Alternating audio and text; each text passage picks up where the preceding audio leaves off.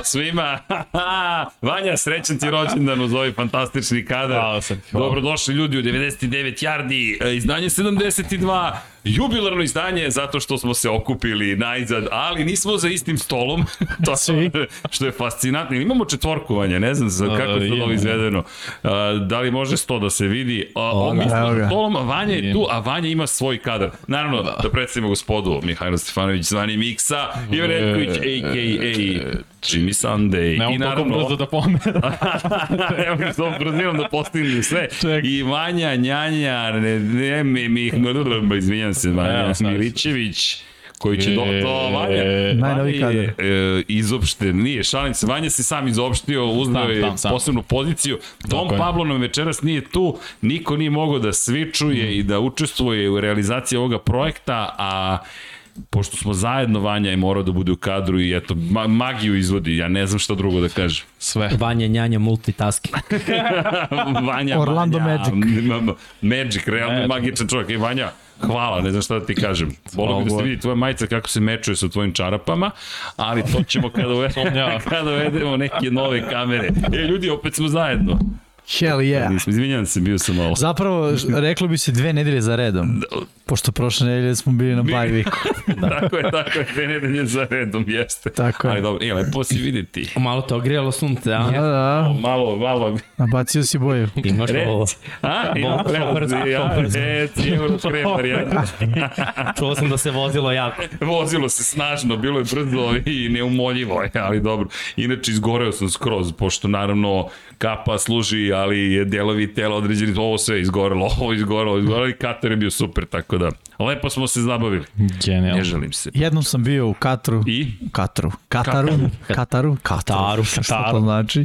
Ovaj, samo na aerodromu. Transfer je bio. Izašli smo napolje, bili smo cirka 30 sekundi i rekao sam ovo je pakao na zemlji.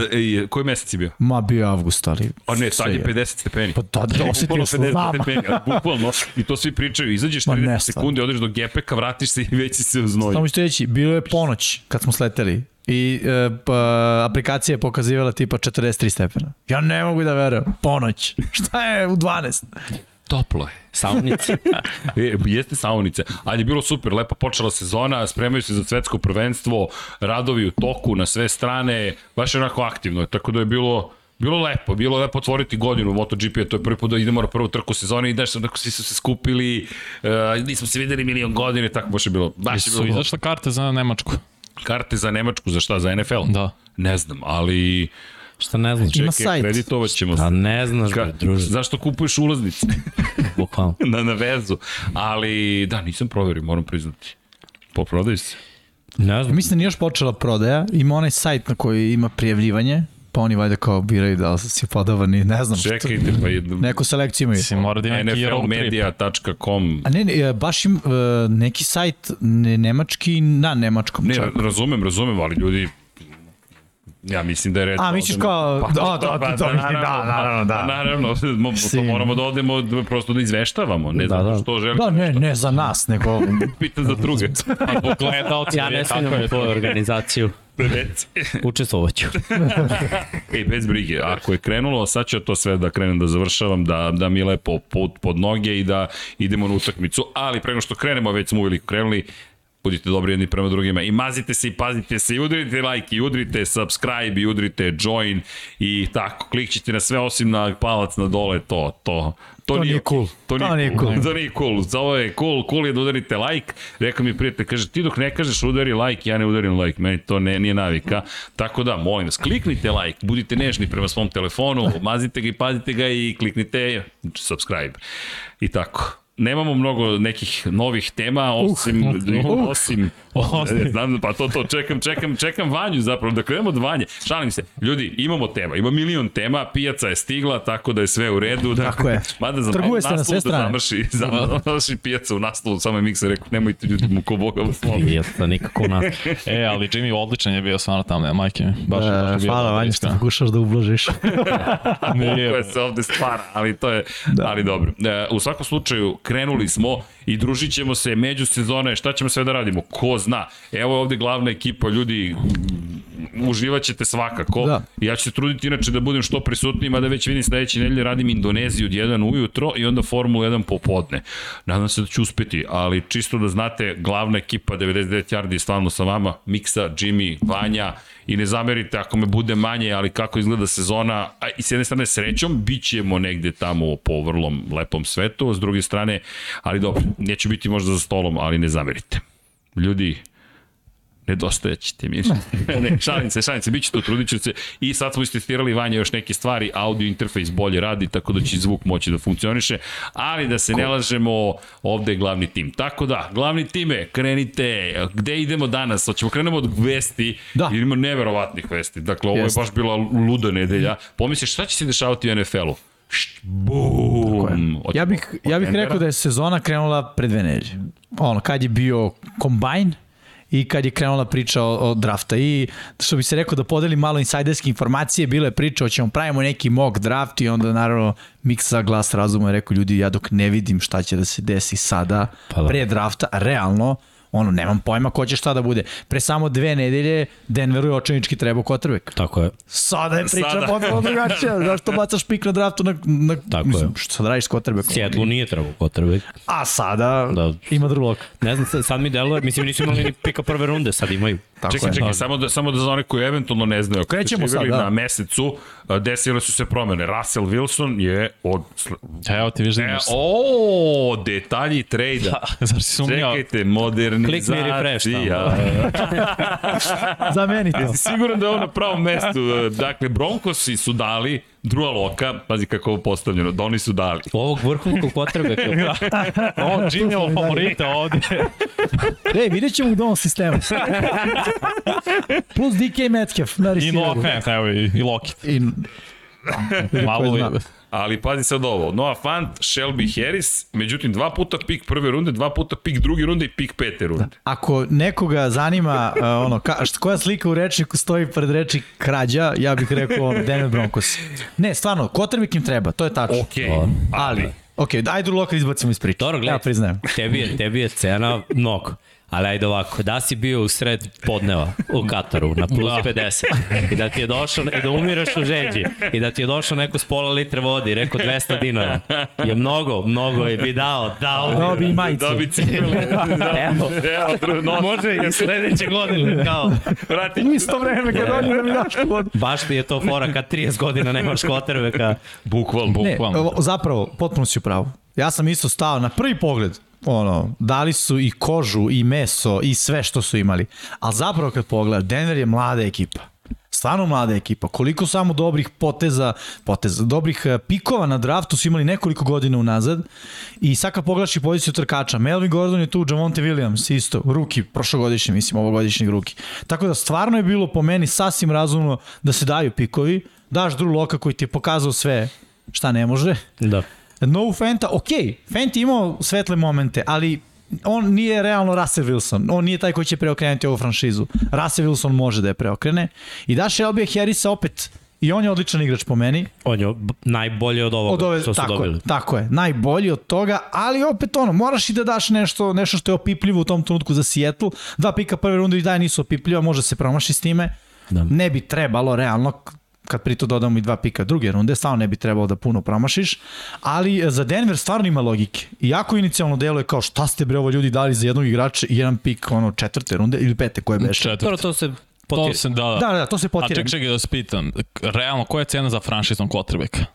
Pa ovo, budi 50 ovo. miliona dolara. Samo Da, bih rekao, ovo je misliš? razumlija Plata cena. ili da, trade? Da, ne, ne, generalno, Ovo. koliko bi, tako je. Osmogodišnji pro bowler, Tako osvojio Super Bowl. Mislim, evo gledaj koliko, je- koliko su dali Ramsey za Stafforda, šta su dobili Super Bowl. Super, jeste. Mislim, To je to. znaš, kada želiš mnogo dobrog igrača, jer ovo lepo si rekao, ta dva pika prve runde i dva pika druge runde, to možda budu četiri vrhunska igrača, a možda budu kao i Raidersi kad su tradovali za Kalila Meka, dobili su ono Jacobsa. Da. Ono, šta je Abram, šta, znaš, i tri pika prve runde, jed, jednog su ubuli sledeće godine opet. Jesi ga slučajno spomenuo ili Što? Galila Meka? Kalila Meka, pa dobro, doći. doći. Ne, ne, samo pitam, sad, da, da. vidim, da, mirišem kako ga Ne, priprema. ne, nego bi, negde. znaš koliko je to bilo ono kao, Jeste. dobili su i to je to, nisu ubili, znaš, nisu Da. ostvarili sav potencijal iz tog trejda. Da li će Seattle to da uradi? Ne znam, možda, možda i ne. Ali ono što Denver može da uradi jeste da odmah bude konkurent u AFC-u. I to za titulu. I ovo je sad, što se quarterbackova tiče, najbolja divizija. Jeste, divizija. Po snazi najbolja divizija. Surovo. E, Čak svi morali da dođu u AFC. Da. Znaš šta bih ja samo rekao? Poređenju sa onim što je Seattle dao za Jamhala Adamsa, Ne, ovo je ništa što je Denver dao. U smislu, ovo je razumno. okej, okej. Oni su stvarno dali za Adamsa koji se ispostavio da, ono, mislim, Ček. nije safety koga lopta pogađa u glavu. Safety koji ne, nema coverage, to ti Adams. Bez. Tako je, koji safety- udara bez. Kako je čudno, moraš da se okreneš ono. Da, jeste malo, ono, kao, kao da imam neku upalu vrata. Ćeš retrovizor. I mogu da vidim, sva trojica sednemo ovako. Da, i gledamo, ali to. Nije, da, mogli smo okrenemo sto, bre. Malo. Da. I da A, budemo evo što je dijamant. kablova dole. Kako Ne, ne diraj mi kablove. Znaš, E, a to, to, to, ne, ali vidi, ovo sad sa sedam kamera otvara razne mogućnosti. Da. da. Otvorili su mi se novi horizonti. Bukvalno novi horizonti sa Da, sedam ali kamera. baš se otvara. I vidi, no dobro, pričat ćemo. Stiže nova polica inače iza tebe. Opa, Opa. cool. Ovo je Opa. samo zamena trenutno. Antilopa. Ovo trenutno je... Dobro, to je neka Ej, pošalica. uglavnom, da se, da se, da se vratim na... Da se vratimo na, na zapad AFC-a. Da, da na zapad AFC i generalno na, na ceo ovaj trade. Ja bih rekao i da je Seattle malo ovde uradio mudro. Naučili su tog trejda sa Adamsom, ono kao je, ajde i da mi nešto stvarno dobijemo. Ok, daćeš, da, dao si, ono, realno ja mislim da je on najveći igrač u franšizi Seattle Seahawks, ispravite me ako grešim. Ne znam da li je bio ok. Bobby Wagner koji je takođe pričao za sebe i bit će deo današnjeg eh, Da. emisije, ali ovaj... Kraj ere u. Hasselbeck, Sean Alexander, sve su to bila velika, da kažem, imena u Seattle. Ja mislim da niko nije ostao trakao Russell Wilson. Pa nije, na to Pa- čovjek s najviše pobjeda, mislim. Ne, pa da, i Nema to, a i, sezone. a i Super Bowl. No. Da. Super Bowl. A To- i još to jedna ipak- stvar, sa njim si nekako uvijek izgledao konkurentno. Apsolutno. Znači, uvijek si verovao da će nešto možda da se desi. Evo sad pitanje, sad je on otišao, šta, šta nam je zaključak za Seattle? Rebuild. Pa da, ali znaš kako ta dva draf, ovo, trejda su usledila iz totalno drugačije potrebe. Ovaj trade za Jamal Adams je bio konkurentni smo, treba nam star power, ajmo ono, otprilike najbolji strong safety u ligi da dođe, Bobby Wagner. Bilo je tu, i KJ Rat je tad bio u ekipi, da. Equandre, znaš, delovalo je ok, imamo do nekle ekipu, rebuild nije bio ni na vidiku, ono, verovao si Carson Penny, Wilson, McCaff, Lockett, bilo je tu imeno, znaš, gađa se star power, fail, šta je sada rebuild? ono, lepo, lepo si rekao, to je to, nema, nema drugi. I onda kad si se odlučio za rebuild, onda ideš u potpuni rebuild. Ne, nema potrebe da zadržavaš bilo koga, uh, osim nekih igrača koji su mladi, koji su na jakim ugovorima, jer ti i dalje, iako si u rebuildu, treba star power, ono, hoćeš prodaš neki dres. Znači, ne može sada trade i Lockett i McCaff. Mislim, Da, da. treba neko bude zvezda u Sjetlu, treba neči dres da se prode. I on, oni će biti ono kao pro bowleri, najbolji igrači u ekipi. Ja ne vidim ni na pomolu, osim Adamsa i njih dvojice. I et, eventualno ako potpišu Quandra Dixa, pošto on slobodni agent, Moguće. pa to su zvezde. Pa nema. Ostatak ekipe su ono, anonimusi. Ali sad možda se okreneš zapravo draftu. Imaš sad pikove koje nisi imao od ofenzivne linije odmah. Što ono što nik nisi imao u, u sa Russell Wilsonom, sad moraš prosto da draftuješ Mada ofenzivnu ja liniju. bi gađao prva runda quarterback i, i tačno zamena za, znaš za, za Rasela i ovaj mali Ja bi sledeće godine. Legan. Ja bi isto sledeće godine. Mislim da je sledeće godina bolja opcija. Dobio si Loka koji neće ti uraditi ništa. Uh, mislim, realno. Ovaj, ali može ti prespoji godinu ili dve, da opet imaš neke pobede. Ne, možda nužno zbog njega, ali ovaj, e, nije, nije kvotrbe koji će da kaže, ono, njega si dobio kao deo paketa. Znači, on je ono tu gratis, da tako kažem. Uh, nije ova godina jaka sa quarterbackovima što se tiče drafta. Uh, I mislim da bi mogli da jure, recimo, naredne godine quarterbacka. Da ove godine probaju baš ovo što je Vanja rekao. Po meni online svakako. Mislim, svašta. Sad oni imaju dosta tu rupa koje treba Tako krpiti. Da. Pa da, mada ne znam ni te sledeće godine. Ovaj Willis mi se sviđa samo zato što je ono, što se snage ruke tiče kao Russell Wilson. Ja uvek na koleđu, kad, znaš, kad neko igra solidno, a ima jaku ruku, vrlo lako može onda se nauči da donosi bolje ridove, ali kad neko može da baci 70 yardi lagano, to je stvar koja se ne javlja često, naročito ovih sad novih quarterbackova. Oni su sve precizniji, sve bolje odluke, ali ruke su prosek. I onda, znaš, svaka van prosečna ruka u mojoj glavi je, znaš, kao, uh, ima range, znaš, 70 yardi, širi teren ovako, to, to, to ali otvara. samo mislim, koji oni pik će imati na draftu? Sada ove godine, Da, da, sada. deveti. Deveti, Denver, da. dobro, realno mogu da ga povjere, da. Pa mogu, da. ja bih iza, izaberi najboljeg igrača, mislim, realno. Izaberi neko ko je najbolji igrač na draftu i to je to. Tako će reši. Da, ima i toga. Ima i toga, ima i toga. S druge strane, uh, ako pričamo o Denveru, ja mislim da su oni spremni sa jednim mladim korom ofanzivnih igrača da, da se ovde upuste u trku u zapadnoj diviziji AFC-u, generalno u AFC-u.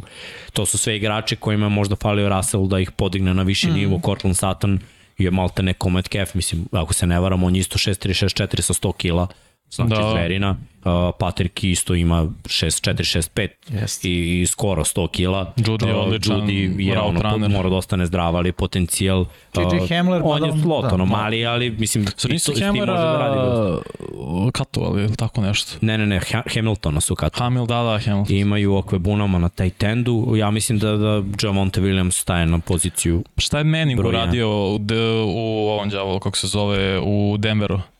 Kad je došao, Pa da, napredio je- igru hvatača i Jeste. Demarius Thomasa i Dekera, oni Jest. su mnogo bolje Dobro, igrali. Pre njega su imali Tako. Tibo. Pa to, pa Pa dobro, imali su Kyle Ortona, mislim koji ima dobru Da. da. sezonu, jednu i Jacka, ne, nisu oni, Nisu, Lloyd nisu. je igrao kad je bio Da, Jake da. Cutler i Brandon Marshall, ali Znaš, u, nap, u nap, odmah ima igra da im se napredi, sigurno sa Wilsonom. Ne, definitivno. Još sam htio da dodam, Wilson već godinama igra bez tight enda, de facto. Tako da to što je Noah Fent otišao neće biti neka prevelika slabost. E, imaju ono, tri, da kažemo, jako dobra hvatača uz neku četvrtu opciju koja možda može da se uh, umeđu vremenu još i, i, i pojavi.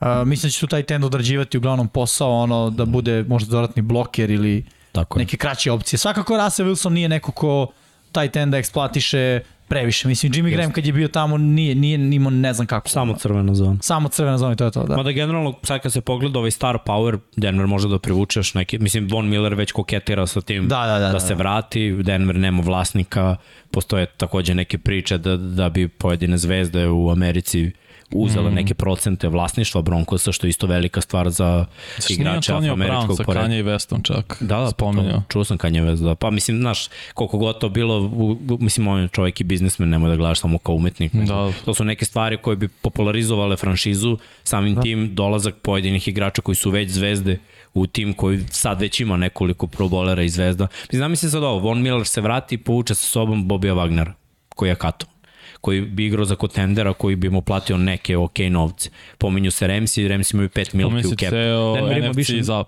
NFC zapad se ceo pomenje. Pa, od toga, verujem mi, slaba vajda. San Francisco ima vrhunske linebackera, Da, da. Arizona ne igra taj stil da, se Da. on uklopi i onda šta ti ostaje? Ramsi koji plaćaju 5 miliona. Znaš, ako čovjek hoće da igra, mislim, on je all pro. Ne, all pro za 5 miliona. Mislim, znaš, prsten već ima. Igra u dva Superbola. Mislim, on se dokazao, on je Hall of Famer. Jeste, jeste. Znaš, mo, možda juri ekipu koja nije kontender, koja nije osvojila neku ekipu kao Denver gde bi dobio 10 miliona Istina, i istina. poziciju startera i gde ima star power okolo njega.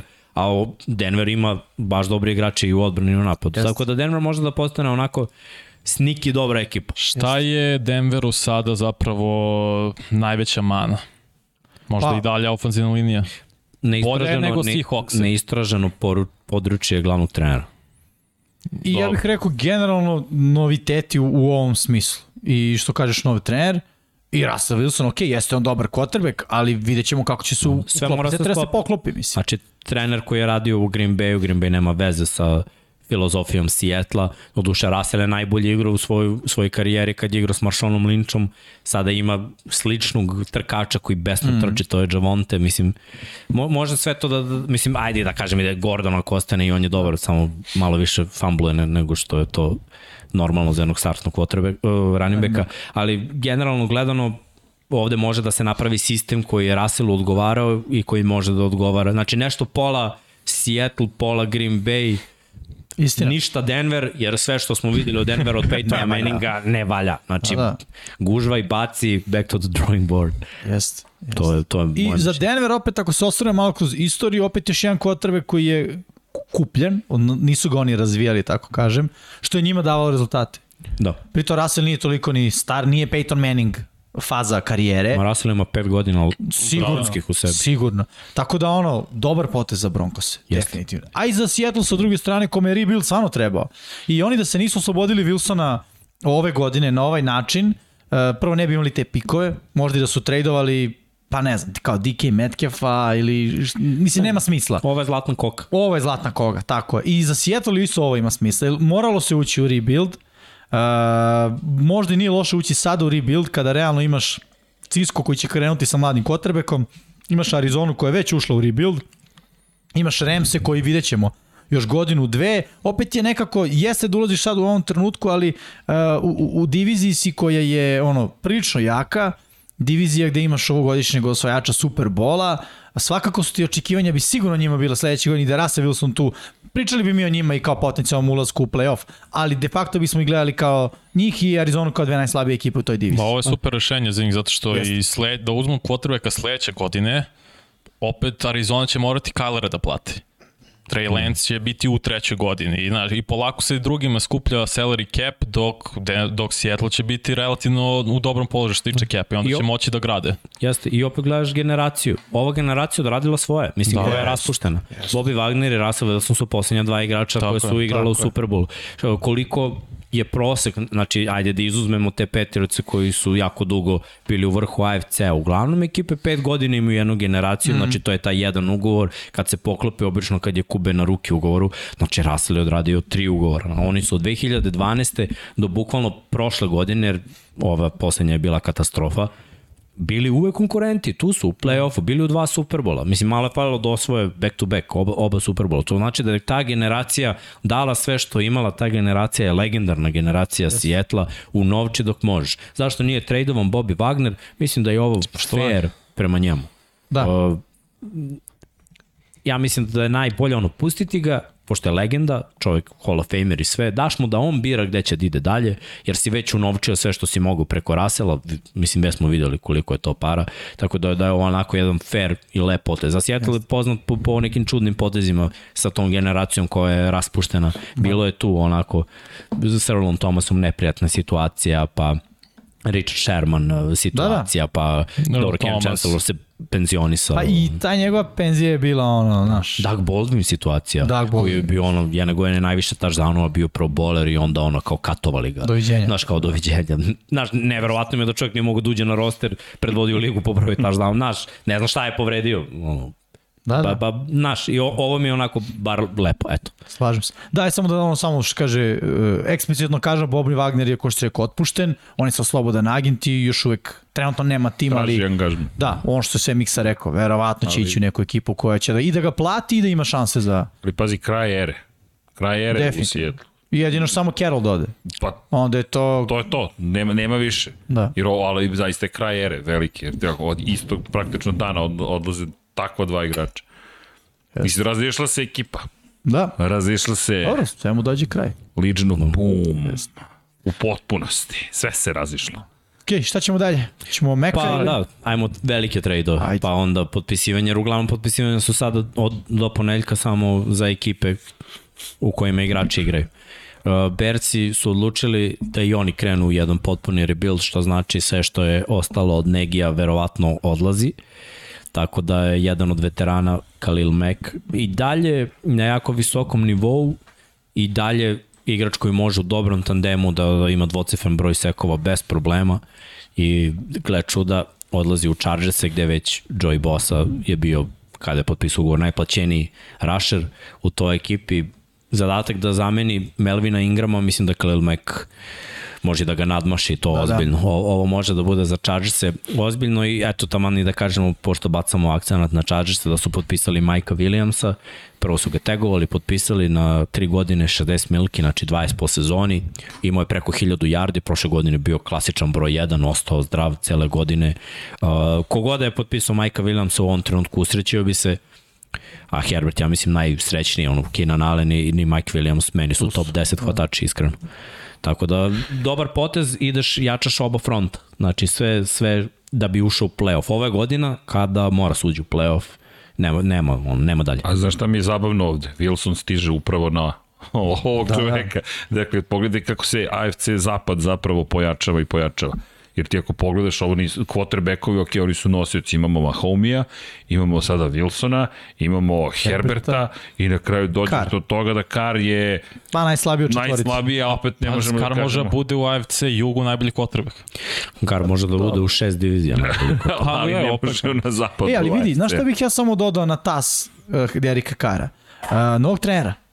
Tako? Da, McDaniels. Došao je McDaniels koji je ofenzivni da. um. Znaš, može on tu da Jeste. poboljša život Karu, aj tako da kažem, da unapredi tu igru, da učini da on ima bolje brojke, se osjeća prijatniji, da Raidersi generalno budu konkurentnija ekipa. Tako da nije ni to baš kao zanemariti, posmatrati samo Kara kao ono izolovanu je- je- jedinku.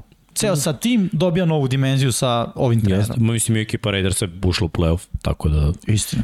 hteli ne hteli moramo da ih stavimo trenutno tu rame uz rame ili možda čak i ispred Chargersa i Denver, mislim, oni nisu izgubili igrače, još uvek gledamo šta će da se desi, ali uglavnom core ekipe tu mogu da se pojačaju. To što je novi trener jeste falink, ali mislim, novi trener je i za Denver.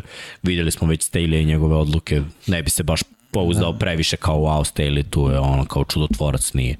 I- ali treba i samo da napomenem, iako su to sad tračevili, u tom smo, to smo fazi da su Brownsi izrazili interesovanje zapravo za Dereka Kara, jer još uvijek nije potpisan ugovor, iako je McDaniels presed... Da, da, da, da, Brownsi su navodno zainteresovani da dovedu Kara, a McDaniels je rekao da svakog trenutka treba da počnu pregovori o novom ugovoru. Tako da možda se desi i neki trade, mada da. Može da se desi što da vidi, Vidi, videli smo ih. videli smo ih. Pogotovo sad ovih nedelje dana do, dosta, mislim dosta da. onako. Trejdovi koji su od, u, on, odjeknuli. Od jeste, baš je odjeknulo. Pa i, Mada o, ne, neki su bili za očekivati, znaš, negde smo mogli da naslutimo rebuild, mislim, Anja je to pomenuo na polovini prošle godine da odlaze Russell i, i Pete Carroll. Samim tim je logično da je otpušten Bobby Wagner. Ovde, mislim, Chicago smo videli na šta liči prošle godine. Da, da. Prvo se znalo Allen Robinson odlazi jer je franchise tegovan, a onda se dovelo u pitanje, ok, Khalil Mack i uh, Akim Hicks, to su stari igrači, znaš, ve, već su otpustili uh, Fullera na, na cornerbacku i, i onako kad malo pogledaš idu u smeru, znaš, nova ekipa, novi yes. trener, sve novo, ne treba im ništa staro. Što se tiče ovih drugih nekih tradova koji mogu da se desi, ja dalje imam 5-6 ekipa gde, gde ono nije se desilo, ali Spremni su. da, ne bi, ali, ne bi me Fioke čudilo. su Da. sve otvorene. Jok je sve otvoreno. Naročito, naročito ove Da. ekipe sa nedorečenim rešenjima, znaš. Da, da. Cleveland Browns šta imaju? Imaju quarterbacka koji ima ono gratis na toj petoj godini ugovora, koji im ima dve loše godine, dve dobre godine i ono, to im je sezona mačka u džaku, što da ne, što da ne trade. Da, da, mislim. Steelersi, što da ne trade. Jeste. I dalje čekam Garopola, mislim, i, i taj trade. Tačno. Znaš, da će može- Garoppolo u kolce. Ako mi to... E, Ima priča. Da, tome, ima priče da... Ajde posle Ćemo priče, da- ajmo sad konkretne stvari. Konkretne. Već ali, evo, samo, Ajde, samo da zaključim, da. ali samo da zaključimo za, za zapad. Ja jedva čekam te utakmice. Još Da, da, da. ako Kar ostane, ljudi, kako će to osam utakmica, da, kako, to, to ne, kako će to do ludilo da bude. Ja jedva čekam to da vidim, zapravo te sukobe, nastavak između Mahomesa i Herberta i sad ti dolazi Wilson kao najiskusniji, znaš, to je već sad ozbiljna priča, pri čemu imaš drugu generaciju, a Wilson, ko zna šta, ja, mislim, ja verujem da će Denver da bude mnogo opasno. Jedva čekam i zapad, ko što smo ove godine, mislim, pričali o severu, sad ćemo da pričamo o zapadu. Mm. A, To mi je makar Volao bih da se međusobno ispobeđuju. da se malo slobodi prostor. Ali da, e, ajmo na kolce, ljudi, ajmo, Kolci. ajmo na jug. Ti si nam information. Uh, Carson, Carson Wentz je odlučio, šalim se, koliko su odlučili da se rastanu sa Carsonom Wentzom, pročitao sam neke informacije da, da je to do, dovođenje Carsona Wentza bila inicijativa Franka Rajha koji ga je poznavao iz Filadelfije s obzirom da je tamo bio ofenzivni koordinator i da je radio s njim.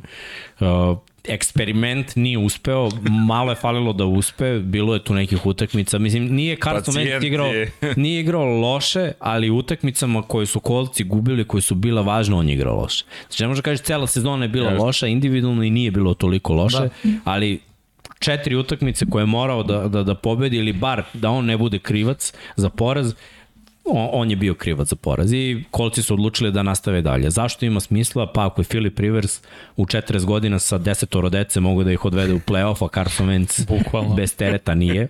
Vanja Onda i ne, dalje da, teško pada. da. Ima jedno Ta da. priča Vanja i dalje, kad Dobro, pomeneš Rivers. Pa moram, znaš. Druga stvar, Jonathan Taylor odigrao najbolju sezonu, znaš, Koliko je, u NFL-u. 1800 na kraju? Kombinovano preko 2000 yardi Ljudi, scrimmage. Znači, i- izgrmeo. da- Tečko izgrmeo A nisi i ne uđeš u play-off. izgubiš, u play-off. izgubiš od Jacksonville u posljednjem kolu. Znači, neko mora da bude žrtva, žrtva je Vance, Vance odlazi u Washington, Washington je žrtva 40 godina kad pričamo o quarterbacku. Šta čekaj, ali ko je to, ko je ovo koncept sa Commandersima sada? Commandersi pa, Gledaj, oni idu u ovom smeru. Nova, uh, rebuilding, rebranding. Ok. Daj, Carson Wentz. I karta. ali sve nam treba. Znaš, Da, da, da, neistražene okej. vode. Sve nam treba. Ja- Znači, ok, šta imamo od quarterbacka? Heineke je ok, Vance je bar ušao u playoff. Drugo, znaju ga iz Da. divizije. Ok. Da, da. Znaš, treće, Praći se kući. te, da, te, treće, ako ništa drugo, ovo je poslednja šansa poslednjeg 1-2 quarterbacka, znači pričamo Jasno. uh, ono, Winston Mariota, Vance Goff, Vance ima poslednju šansu jer Goffa ne računamo u Detroitu, da nešto se iskupi od tih quarterbackova koji su draftovani na poziciji 1-2, da, da bude ono, okej, ova i dalje može Da, da, igra. jasno. Jer ako se sad ne pokaže, on je na klupi kao je Mariota do, do kraja svoje karijere kao backup quarterback, a va, gledaj, Commander se ne košta ovo mnogo. Realno. Mislim, nisu dali sad kao kuću, Da. dali su ono malo, moraju oni, znaš, imaju Pa, u pritisak. principu dva pika iz treće runde. Pa da, dali, već se Mislim, to, menjaju. je, to je solidno. Da si draftovo u trećoj rundi sad nekog mladog kvotrbeka, opet, iskreno mislim da je Vance bolje od bilo kog kvotrbeka sada koji će pasti runde. u trećoj rundi. Sigurno. Drugo, ne možeš da pogledaš u oči Terija McLaurina i da mu kažeš brate, još jedna sezona ti baca Budi tu, veruj mi tu. reći, znaš, ono, mo, mo, moraš da izdigneš svoje playmakere Da, da. koji nešto vrede. Jeste. I imaš neke zvezde u odbrani i dalje postoji šansa. Drugo, cela ta divizija u rebuildu, osim Dallasa. Znači, Fila je u play-offu, ali u rebuildu ušli u play-off. Uh, Giants su u rebuildu. I onda ono, ima smisla. A i mislim, Dallas je nekom polu rebuildu zapravo. Dallas Zato ima star power. im- Pa da, li će da otpusti E, dosta. Ali imam još jednu, još jednu uh, stvar koja možda ide onako na taj tas, zašto ovo ima smisla za Washington. Ron Rivera nije toliko trener koji ima previše rizičan playbook. A on u suštini ima onako, sećamo se još kad je Alex Smith bio tu, to su ono uglavnom, da kažem, jednostavni ridovi, uh, sa dugačkim pasivima koji se bacaju samo u situaciji ono 1 na 1, uglavnom na Terry McLaurina ili o Cartera, on je bio uh, ove godine ovaj taj taj čovek, ali uglavnom situacija 1 na 1. Carson već mislim da može da isporuči to što što se od njega traži ovde. U Kolcima to nije bio slučaj. Kolcima ipak tu bilo, znaš, treba da vidimo šta imamo u Pitmanu, treba da, kad se vrati T.Y. Hilton, da i njega eksploatišao maksimalno, da uzme, čovjek je tu, legenda, legenda, mislim, e, veliko ime e, kolca, znaš, bilo je da kažem, opet s jedne strane dosta usta koja treba nahraniti u tim kolcima, u Washingtonu čini mi se da nije ta situacija u potpunosti, To si jednostavnije baš lepo rekao, ovo za Tiva Hiltona, njega moraš da tretiraš. Moraš kao tu, e, sad je da. konačno zdrav, moraš, moraš, znaš, onda e, imamo ovoga e, Imaš isto. imaš taj tend, znaš, daj svakome, svako od njih je bio nekoj fazi dokazivanja, Colts su tražili receivera broj 1, a ti kad si quarterback koji ima dosta mana u svojoj igri, ne prijati da budeš taj koji treba da iznađe receivera broj 1, tebi treba ili jednostavan playbook sa kraćim opcijama. I zato mislim, znaš, moja mišlja da je Vencu najveći problem i dalje taj neki podsvesni strah od povrede.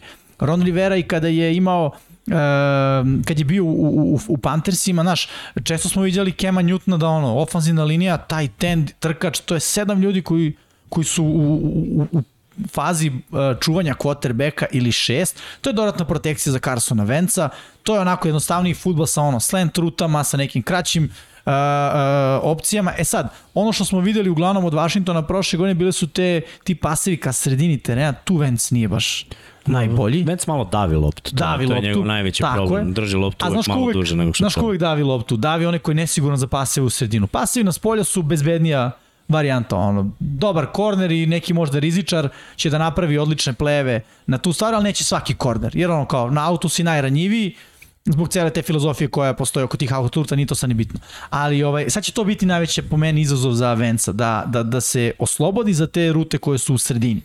Ali generalno playbook kao playbook bi trebalo da mu ide na ruku, jer to je ono, 1-2 pas, 1-2 pas, 1-2 pas. U suštini nema dugog držanja lopte, nema čekanja da se razvije, nema hrani ovoga, hrani onoga. Realno imaš Terija McLaurina, koji ti je realno opcija broj 1 i možda mu baciš gde god, kako god, on će da je, da je uhvati.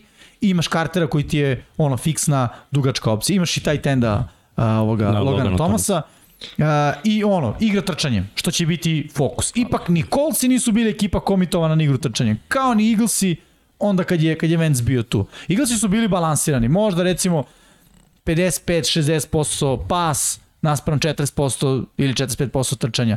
Kolci ne. Iako su imali Taylora, Taylor je tu imao brutalan prosek ono po nošenju, jer je monstrum kakav jest. U Washingtonu je malo drugačija situacija.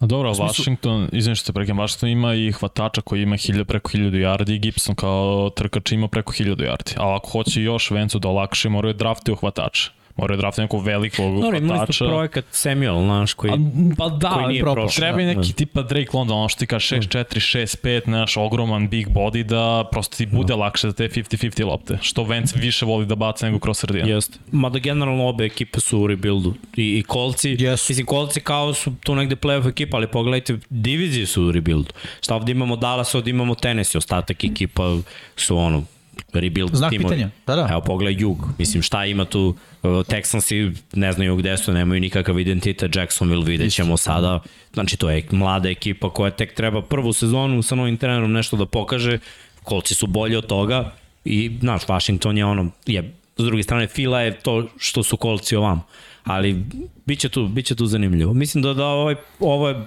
bilo dobro i za jedne i za druge. Za kolce da se ne zavaravaju da imaju Kotrbeka, za Washington ono, ajde da, ajde da prezimimo ono kao još jedan. Pa ne, mislim, ajde pogledamo ovu sezonu. Heineke i Fitzmagic. Mislim, znaš. Pa Fitzmagic nije ni igrao. Nije ni igrao, da, ali kao, i da je on igrao, svi znamo kako bi to izgledalo. Start sezone fantastičan, onda jedno neko tavorenje, neko nemaš pojma šta i onda svaka treća tekma ti pruži nešto. I kao, možda ćemo biti u play-offu, možda nećemo biti u play-offu, de facto nisu play-off ekipe ako uđu, budu počišćeni u prvoj nedelji kao Fila što se desilo ove sezone. On, on, realno nisi playoff ekipa, ušao si zbog slabe cele ono konferencije u kojoj se nalaziš i, i situacije kakva je bila. A ovako kao što kažeš, on opet i taj, znaš, Vance, Heineke, ono, neka to bude trka, pa ono, bolji od njih dvojice će biti starter, i nakon ove sezone ćeš definitivno znati da li juriš Kotrbeka na draftu ili juriš nekog od e, iskusnih Kotrbeka kojem ističe ugovor, a ove dvojice se škartiraš i to je to. Pa da. Dobro, to smo pokrenuli, ova dva tima nemaju ništa posebno dalje što se dešavalo. Nema, nema. Tako nema. da možemo, možemo dalje na... na ima pitanja za, za Steelers-e, ima pitanja, pa dobro, ima pitanja to, to, sve i svašta. To ne znamo, mislim... Tamo nema odgovora u suštini, pa, samo se spekuliše. Tako je, a mislim spekulacije, to su tračevi. Ma da, možemo pričamo, pričamo čemu on, oni mogu da jure trade trebalo, mislim, zavisi šta im je cilj. Jer imaju neki igrače koji će otići za godinu dve. E sad, da li ti veruješ u Masona Rudolfa? Da može nešto AFC krca talentima. Znaš, Mason Rudolf u trenutnom AFC-u neće te odvesti u playoff. Niti će te odvesti ono, u obećanu zemlju. A iskreno, da daš kuću za Jimmy Garoppolo neće ni on. Pa ćeš davati kuću, daj za Watsona kuću. Tako je. Mislim, da li to ćemo to tek da vidimo. Da. Šta će da bude sa da, Deshaun Watson. Da, svašta se priča za, za Steelers. Čak spomenju Sema Darnolda, ja sam se šokirao. O Bože. Zašto mi neko... o Bože. Pa da, bukvalno. Kolina Kapernika. Ne, da, ne, e, pa da, Vidio sam klip da trenira. Da, da, da, kao tera u treningu. da.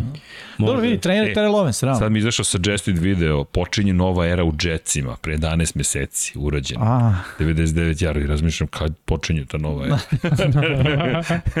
kad će? Bić, ajmo, ajmo ovako, idemo na ono sledeće, mislim, tradeova nema toliko, ali potpisivanje ugovora ima, tako da možemo na najveći ugovor, stvari, da. koji je potpisan ovde, a to je Aaron Rodgers, koji postaje još četiri godine, bar kako ugovor kaže mm -hmm. u mhm. Green Bayu. Taj potez je povukao još neke druge poteze koji Green Bay guraju na prvo mesto da. kao favorite u NFC u čitavom, da ne pričamo samo o njihovoj diviziji, 50 miliona po sezoni, 200 za, za 4 godine.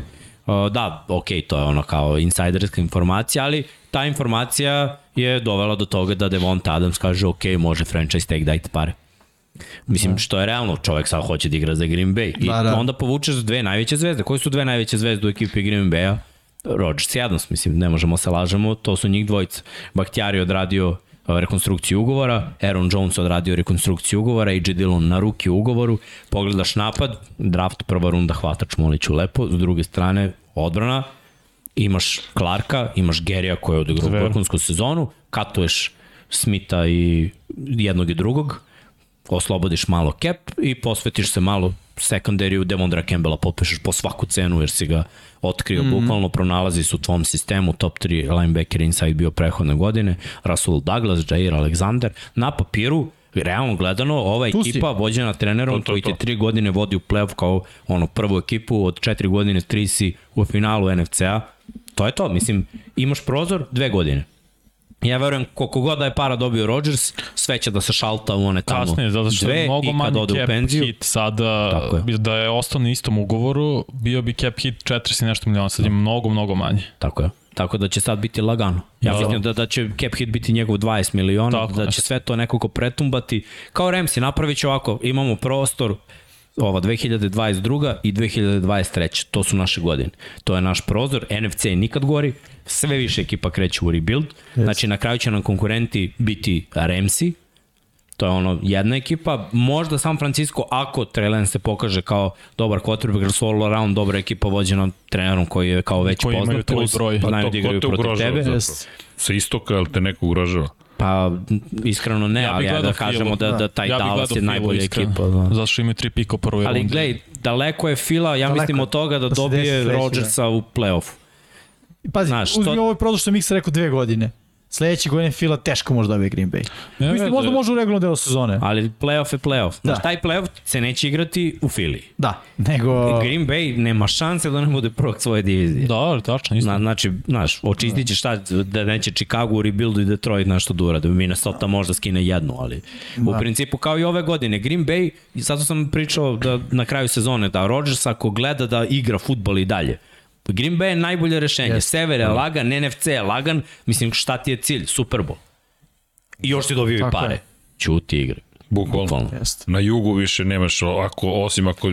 Jug se raspao. Raspao se. Da. Ceo jug je u rebuildu. Tampa nije u rebuildu, ali Tampa više nije... Nije to to. Nije to Da. to. Budimo realni, nije to to. Jeste. Kogod da dođe da igra QB-a, nije to to. A Brady? Pa, ako mislim, ofenzivna linija je otišla, je, ko je otišao u penziju Marpet, je čini se otišao u Da, penziju, ali gledaj, Jensen je slobodan to, to agent. sve, to zvuči jedno drugo, znaš. Ja kažem, juče sam pričao u podcastu, on Tom da kaže, ja se vraćam, šta misliš da Marpet ne bi ono dobio poruku, brate, se vraćamo. Imam, ne, javilo mi se, javilo mi se da nije loše da nastavim karijeru. Da. I Jensen bi bio u fazonu, ajde, ostaje. Ajde, Da. daj šta daš, idemo na Ja čujem koliko. E, ja samo mislim da će tek Brady da odluči na leti. Na A neće se Brady vratiti. Ne, ja mislim, da ja mislim da on rekao, ljudi, ovo je sad biznis, ovo sad više ne veze sa futbolom.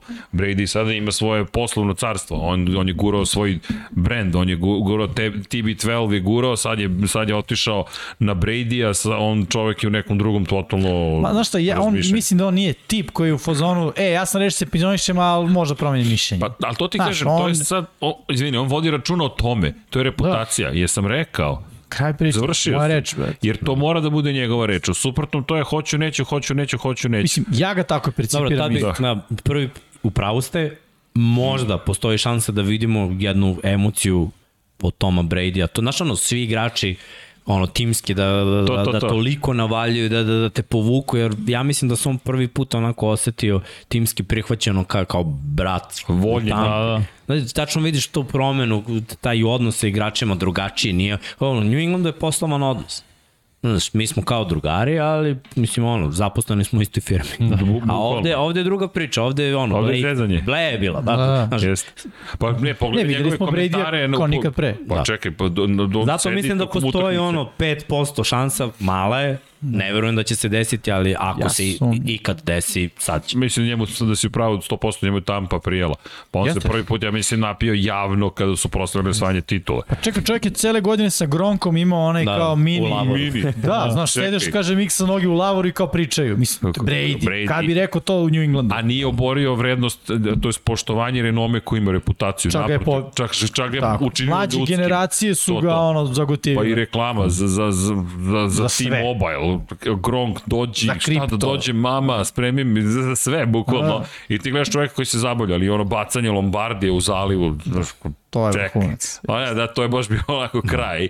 Ali da, možda miksa, to bi bilo isto, da, ima smisla Svakako, to što si rekao. bez toga Green Bay Ramsey. Dva, To, to, to dva je to. kandidata. To je Ako NFC. u AFC-u ne zna šta je, ovde zna šta je na papiru sada, znači odmah nakon završetka Superbola, sad nakon popisivanja Rodgersa to znaš i to je to. Znači izgubili smo još jednog pro bowlera iz NFC-a na poziciji quarterbacka, Wilson je otišao i sad kad pogledaš snagu quarterbackova koji igraju tu, imaš Rodgersa, imaš Stafforda, Mareja, Preskota. Pa gledaj, ostalo su, Mislim, de, ti- ostalo su, ostalo su klinci. Ajde, ja ću, imaš mm -hmm. Stafforda i Rodgersa i nedokazanu decu.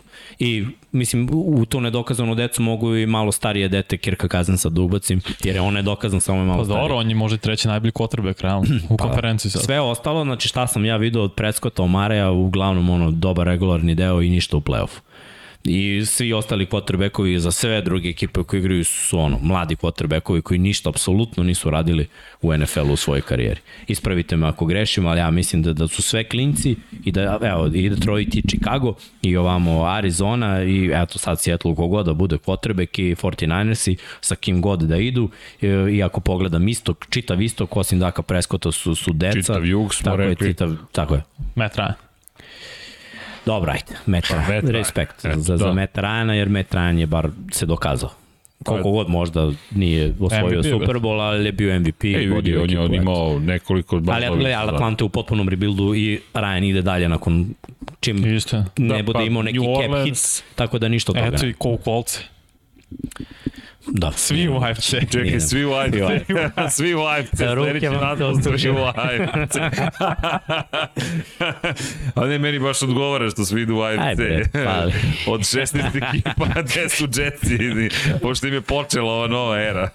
Užas, Ne, užas. neko me pita da li će biti za Chelsea, pošto se priča, priča da će vlasnik Jetsa da možda kupi Chelsea. Jel, ne može da kupi. Ne može da kupi. Pa, Ne možete sve je proda, to je problem. Vanja, moraš da stavljaš kameru na sebe. U suprotnom, sedi ti ovde umesto mene, rođendanac, da te ljudi vide. Ne, tako M će biti je lepše, bolje. M treba kad pričaš da se vidiš.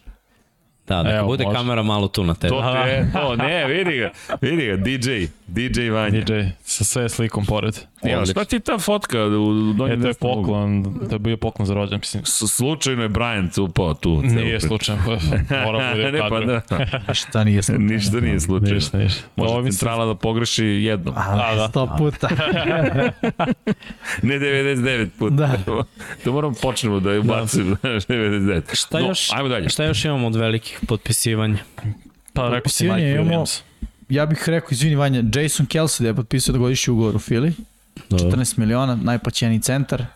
I Fila zna da ga ima još jednu godinu. Pošto se, ono, bilo je razmišljanje da li će se penzionisati, neće se penzionisati, šta će biti. Izgleda da, da je, mislim da je ovo poslednji Jesi ugovor. zadovoljen? Pa jesam, mislim, on je odličan centar, tu nema govora, ali mi se čini da je ovo poslednji ugovor njegov. Mislim da će nakon ove sezone da se penzioniše, da je ovo bilo okej.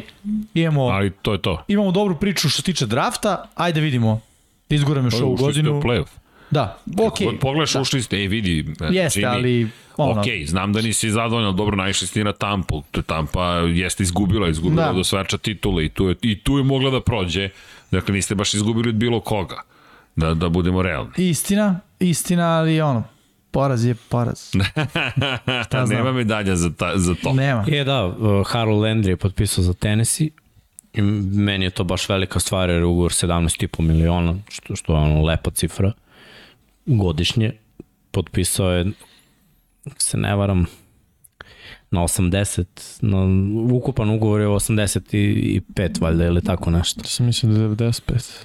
No, sve u svemu mnogo para, Mnogo. momak koji je njihov projekat koji se dokazao, koji je izgrmeo ove sezone u tandemu sa Duprijem koji je doveden prošle godine, Deniko Otri je tu, Simons takođe u sredini, ta četvorka, mislim Tennessee je ekipa koja ako ostane na okupu, mene zanima šta će biti sa, sa Hulijom, to mi je onako najvažnije jer ovo ostalo sve znamo, Henry je tu, Tenehill je tu, bukvalno ako su AJ Brown i Julio tu, ja ne vidim da oni nisu prvaci svoje divizije, sami ti su u play-offu, a u play-offu ako Tenehill ne poludi, oni mogu dobiju svakog, mislim, i ovih devet sekova koliko su imali protiv Cincinnati, samo pokazuje kako je to stravična ekipa i kad imaš takvu produktivnost, defanzivne linije vadi pare, mislim. Mm. To, je, to je realna priča i to su i uradili. Uh, št- uglavnom se igrači otpuštaju ovo, ovo što sad da. Da. vidim, tako da ono što se tiče potpisivanja, I, i ima nešto što je vas iznenadilo da je neko otpušten što niste očekivali. Eto, to to pitanje za sve. Da je otpušten. Da, kao otpušten ovaj slobodan je agent. Mislim, jedino iznenađenje za mene je što JC Jackson nije na franchise tagu. Ovo ostalo, da. jer na franchise tagu su Gadvin za Tampu. Uh, takođe uh, će biti Jesse Bates. Jesse Bates, uh, potpisan je long term Williams, Devont Adams je za sada na tegu, Njoku, Gesicki i... Svi taj tendovi manje više su... Svi tight endovi su na franchise tegu, što znači ono, okreni se draftu ili... Ja mislim da jedan tight end nije samo, ali u principu sve što je vredelo je franchise tegovano.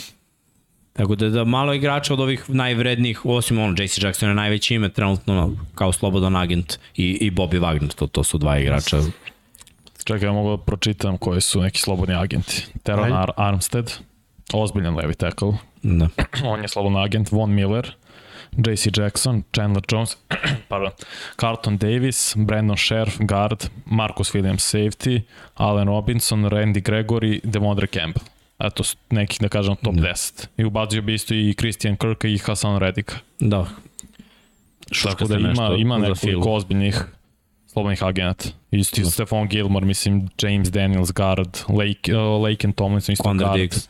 Tako je, Quadra Diggs, Darius Williams, DB. E, Sterling Shepard ostaje u Giants. To je bila neka priča, on Ingram, Da, da, da. da. kao osluškivalo Ingram- se nešto. I, ali Ingram je, Ingram je tagovan. slobodan agent. Ne, Tako ne, ne, tagovan, tagovan. Ingram tagovan, a ovaj rekonstruisan. Tyra Matty, slobodan agent. Da. Met je slobodan agent. Da, da. Tako je, da. Tako da ima, ima nekoliko stvarno ozbiljnih slobodnih agente koji mogu, Aki- Akim Hicks isto, koji je zver na defensivnom Da, teklu. jest. I recimo ja bih volao Charles i njega potpiše. I sad, pošto je da Khalil, mnogo. pa imaju mesto cap. U tome je suština. Da, ali zbog- mislim da, da neće juriti, uh, znaš, mm. -hmm. Bosa Mac, on, uh, s tim da su oni Mac dovedeni ove godine. May nekako tako deluje, ali okej, okay, i Packersi su one godine doveli oba Smitha u isto Da. no. vreme i Nije nemoguće. da, nije nemoguće, ono, da dovedeš no, kao... Da, meni delo da će ostati u diviziji to baš Green Bay, ono, koji može da ga, ili, ili Green Bay ili Minnesota. Možda i više smislimo za Minnesota, jer Da. divizijski rival dobro se znaju, zna šta imaš, a ta Minnesota je par igrača daleko od play-off. Mislim, Minnesota je meni kan, ozbiljan kandidat za poziciju broj 5 za najbolji Da, wild card Minnesota je tim ako se sklope kocke, jer novi je trener, i, igrača i talente ima, znači samo je možda trebalo da se izađe iz neke ono A to sive zone. izgleda? Meni oni izgledaju kao jedan od timova. Pa fali mi defanzivno par igrača. I, e, to jest imaš to, pobednike divizije i njih praktično. Da. Znaš kako, oni su malo odlutali od te uh, kao strašne odbrane do ekipe koja niti ima odbranu, a ima kao neka imena u napadu, ali taj napad ne funkcioniše savršeno. Šta ti u stvari treba? Taj napad koji ne funkcioniše savršeno da iskoristi maksimum svog potencijala, a odbrana s druge strane da bude malo jača. Šta ti za to treba? Brutalan defanzivni ono, tackle, da ništa od trčanja ne ide tu jer imaju pokretljive linebackere i ono, vrati se Daniel Hunter, draftuju nešto, mislim, ja da sam na mestu Minnesota. Imaju 12. pika. Tako je. Njima je Conklin slobodan agent, koji je lepo odigrao sezonu i to je jedan od tight endova na koje mislim da, da bi ono mogao, on je prošle godine meni bio jako dobar za, za Minnesota. Neke ekipe bi mogla ga iskoristiti ako Minnesota neće, Pa- ali za njih je pametno da ga potpišu. Pa pazi, NFC sa kad izuzmemo osvajače divizije, imaš ti nekoliko ekipa koji su ozbiljni za playoff, kao Minnesota, stavio bi San Francisco, Arizona, ako se James vratio New Orleans, znaš, Fila, nije to sad, jeste slabiji NFC, ali opet imaš pet ekipa za Da. da. tri mesta. Biće klanje, da. Da, bit će, zato se te strane hoće sigurno. Dobro. Što se tiče Da smo to pokrili. slobodnih agenata, da. Da. da. Si jedan da konačne to. projekcije neke gde bi Armstead išao, koji je Ja ja, ne. Pa ne, znaš kako, s obzirom da ono, što, što da jurimo pred rudu, no, Da. sledeće nedelje sigurno će biti potpisano bar Ne, 10 hoće. igrača. Tako. Pa da, Pa jeste, ćemo da pa da. analiziramo. Znaš, sad, ko bi gde mogao, svako bi mogao ono, u baru pet timova. Da, da, da. Mogu, mogu za svakog igrača da nabrojim bar pet timova gde, gde, gde treba ta pozicija. Istina, istina. A ja, neko je bio komentarisao na Twitteru kako sam ja pogodio za Carsona Vence. Ja sam i neće da sam to rekao iskreno. da bude. Ali evo da kažem još jednu stvar koju ću brzo zaboravim. E, James Winston u Steelers. I nemoguće. Dobro, Dobro, on je slobodan agent. dobro. Mislim da bi to moglo da klikne. Ali, Ima smisla. ajmo ono što je opipljivo, Da. što je realno. Hoćemo nove naše. Hoćemo Pa pa, da. nove naše quarterbackove. Segment, Top Da segment, 50. vidimo gde je Winston. segment broj 2. Nije Hoćemo to, nije to. Nije, da. Šalim se, šalim se. Ajmo malo. Ajmo malo, Da. ajmo. Ja volim dakle, ovaj, top 10. Jel imamo top Je- 10? Imamo, imamo, Imamo. top 10. Pa, nemamo grafiku, jer... Ne, ne, ali Nemam dobro. grafike, ali ćemo da pričamo o tome. Da, nema veze. Ali dobro. A, da, Skupilo uglavnom, se. ajde da kažemo da ćemo da radimo top 10 svake pozicije top 10 sezona 2021. Prošle godine smo radili, da kažemo, očekivanja za sezonu, sad radimo, gledamo unazad. Ja, jel imaš očekivanje? Pa ne, Ne. gledaj, možemo da imamo, možemo da imamo uplašio sam očekivanja, ali očekivanja nisu opipljiva, Ne, ne, ne, znaš, ne, jer ne. je to ono projekcija i opet si igramo neke, Nego da li si bi... zapamtio šta smo očekivali? A, to. To sam pa- mislio. Da, to smo radili pre dve godine. Ne, ne, rekao, da li se sećamo šta smo, a pre dve, smo prošle godine radili? Prošle, prošle godine nismo radili. nismo, a pre dve godine smo nas, radili- ako smo to I bilo je tu i tamo ono pogodaka, baš pogodaka Da, da, da. ko je gde. Ali mnogo je bolje, znaš, završila se sezona i tačno znamo ono šta je, kako je i ko je odigrao, znaš, dobro. Da. Da. Sad mi možemo subjektivan neki naš trenutak da, da imamo i da kažeš, znaš, ono, e, ja verujem da će ovo da se prenese na sledeću godinu ili ne. Ali dajte da vidimo ono šta je realno i kome dajemo respekt za odigranu sezonu. Ok, I krenemo. Gosen, Krećemo od ozdo. Gosen Sunday. Ajde, krećemo od ozdo na mesto broj 10 za nas konsenzusom, znači dogovorom, nije svakome bio, Russell Wilson. Znači, po nama on je bio deseti quarterback u rangiranju ove sezone. Evo mogu da kažem ovako, Miksa ga je stavio na osmo mesto, što se Ercega tiče, on ne postoji u prvih deset, zanimljivo Erceg. Kako nemam? Nisi stavio Russell Wilsona. Nisam Wilson. Nisi, nisi stavio Wilsona. Dobro. Meni je Wilson osmi bio, Negde mi je ispao Vanji nije bio u top 10, ali mu bio 11. Eto, vidiš, nisam jedini. Ajde, Vanja, ti ovamo da dođeš malo da te ljudi vide. Rođendan ti je rođendanac. Treba, treba visibility, da, se, da, da bude veći, što se kaže. Uh, ajde, ja ću da, da krenem. Ja sam ga stavio na osmo mesto. Nije bila neka sezona generalno za, za Seattle I i on za je bio njega. povređen. Tako je, to je najviše zapravo uh, doprinosilo. Jeste. Jer ono, ni- nisam uzimao u obzir samo jarde, bačene touchdowne, već ceo taj neki utisak koji je ostao. I činjenica da je ovo za njega najgora sezona od kako je uh, u NFL-u opet govori da nije bio ni on na visini zadatka. E sad naravno, nikad to nije tako jednostavno kao ako je on na visini zadatka Seattle ulazi u playoff igre. Ne, ima tu i ofenzina linija i odbrana i sve živo. Ali moj neki taj utisak ipak bio da ono, treba da bude u top 10, svakako. Jeste. Tu nema govora, ali mi nije bio, da kažem, u gornjoj polovini, u prvih pet. Jeste, pa znaš, nekad daješ za statistiku i sezonu ranking, nekad daješ za ono kad igraš dobar. Znaš, može igraš da ima, prvo, ovo su prve utakmice koje je Russell Wilson propustio u svojoj karijeri. To je neverovatno, za 10 godina čovek da, da se prvi put povredi sada. To je prvo za respekt, znači uvek je na terenu, uvek je vođa ekipe, nikad nema neki skandal vezano za njega, uvek uglavnom kad je na terenu, što se tiče partija koje pruža, to je na visini zadatka. Uvek u vrhu, gotovo uvek pro bowler. Dakle, znaš, kad sve to skupim, na papir on mora da bude top 10. Od njega bar znam šta mogu da očekujem, zato sam ga stavio gde jesam. Da li je bila dobra sezona ova prethodna, nije toliko kao što je nekih drugih quarterbackova, ali Russell Wilson je sam za sebe klasa i bolji od ovih drugih koji su nam koji su meni lično bili da. bili iza njega. Pa nemam šta da, mi bukvalno sve Verko Russell se sad tek propustio prve utakmice, odigrao na kraju 14, ali on kad igra Seattle uvek ima šansu. I to očekuješ od frančisnog quarterbacka, jer ti game plan praviš samo po njemu. Malte ne. Tako je zato Russell Wilson, mislim, realno da igrao malo bolje bio bi top 5, jer je bio poslednjih 3-4 godine top Da, 5. jeste, to je istina. Tačno. Samo ću da kažem ovako, znači, što se Mixi tiče, 10. mesto bio Kazins, Ercegu je bio Prescott, meni mi Vanji uh, Mare. Explain yourself. ja, a zašto samo ja? Šta? Dobro, ne moraš samo ti. Evo, evo, Evo, ko- svi ćemo. Ja bih rekao, je, da li ima nekoga ko je ispao iz liste da je nekome bio u top 10? Uh, Rotelsberger. E, zato mora se... Rotelsberger, samo da. Mare, Dobro, Mare nam na kraju objasnit će se i on. Može. I to je to, tako Vanja. Dobro. To je to. Evo, A ti nisi imao Mare? ne, top 10. Meni Mari nije top 10 kvota. Da, jedino tebi zapravo nije. Nije ni meni. Tebi bio da 11. Ne, ne, ne. Nije. Meni je 11 Carson Wentz. A, ću Ako gore. ćemo tako. Ništa tu nije gore. Nikad ne, nije vezu Ništa tu nije gore. Ljubav, stara ljubav iz zaborava nema. Sad ću reći zašto. škole. Sad ću reći zašto Ben Roethlisberger. Uh, ben Roethlisberger je bio razlog zašto su Steelersi ušli u playoff. Kako tako su ušli u playoff? Ben Roethlisberger je bio razlog zašto su Steelersi pobeđivali utakmice. I nisu gubili zbog njega. Znači nije Carson Wentz situacija. Ono što su gubili, uglavnom je išlo na njegovu dušu. Nije tačno. I zbog toga mi je Roethlisberger, uh, tu, inače kad sam krenuo, prva pomisla je bilo čoveče, baš ima dobri quarterbackova, međutim kad sam nanizao 7-8 komada tu do Wilsona, koji je meni bio osmi, tu sam malo zastao. I tu je bilo sve, ok, treba da ubacim još dvojicu, u suštini mi je bilo sve jedno da budem, da budem iskren. Ajde, neću da otkrivam koja smo imena, to ćemo posle, ali bilo mi je sve jedno, iskapirao sam da je bukvalno ono, za dlaku, razlika između tu sad svih njih. I nekako, eto, uzevši u, u obzir da je zaista onako, kažem, meni nije toliko bilo fokus kao brojke, jarde, to nego taj neki um, ono, vizualni moment.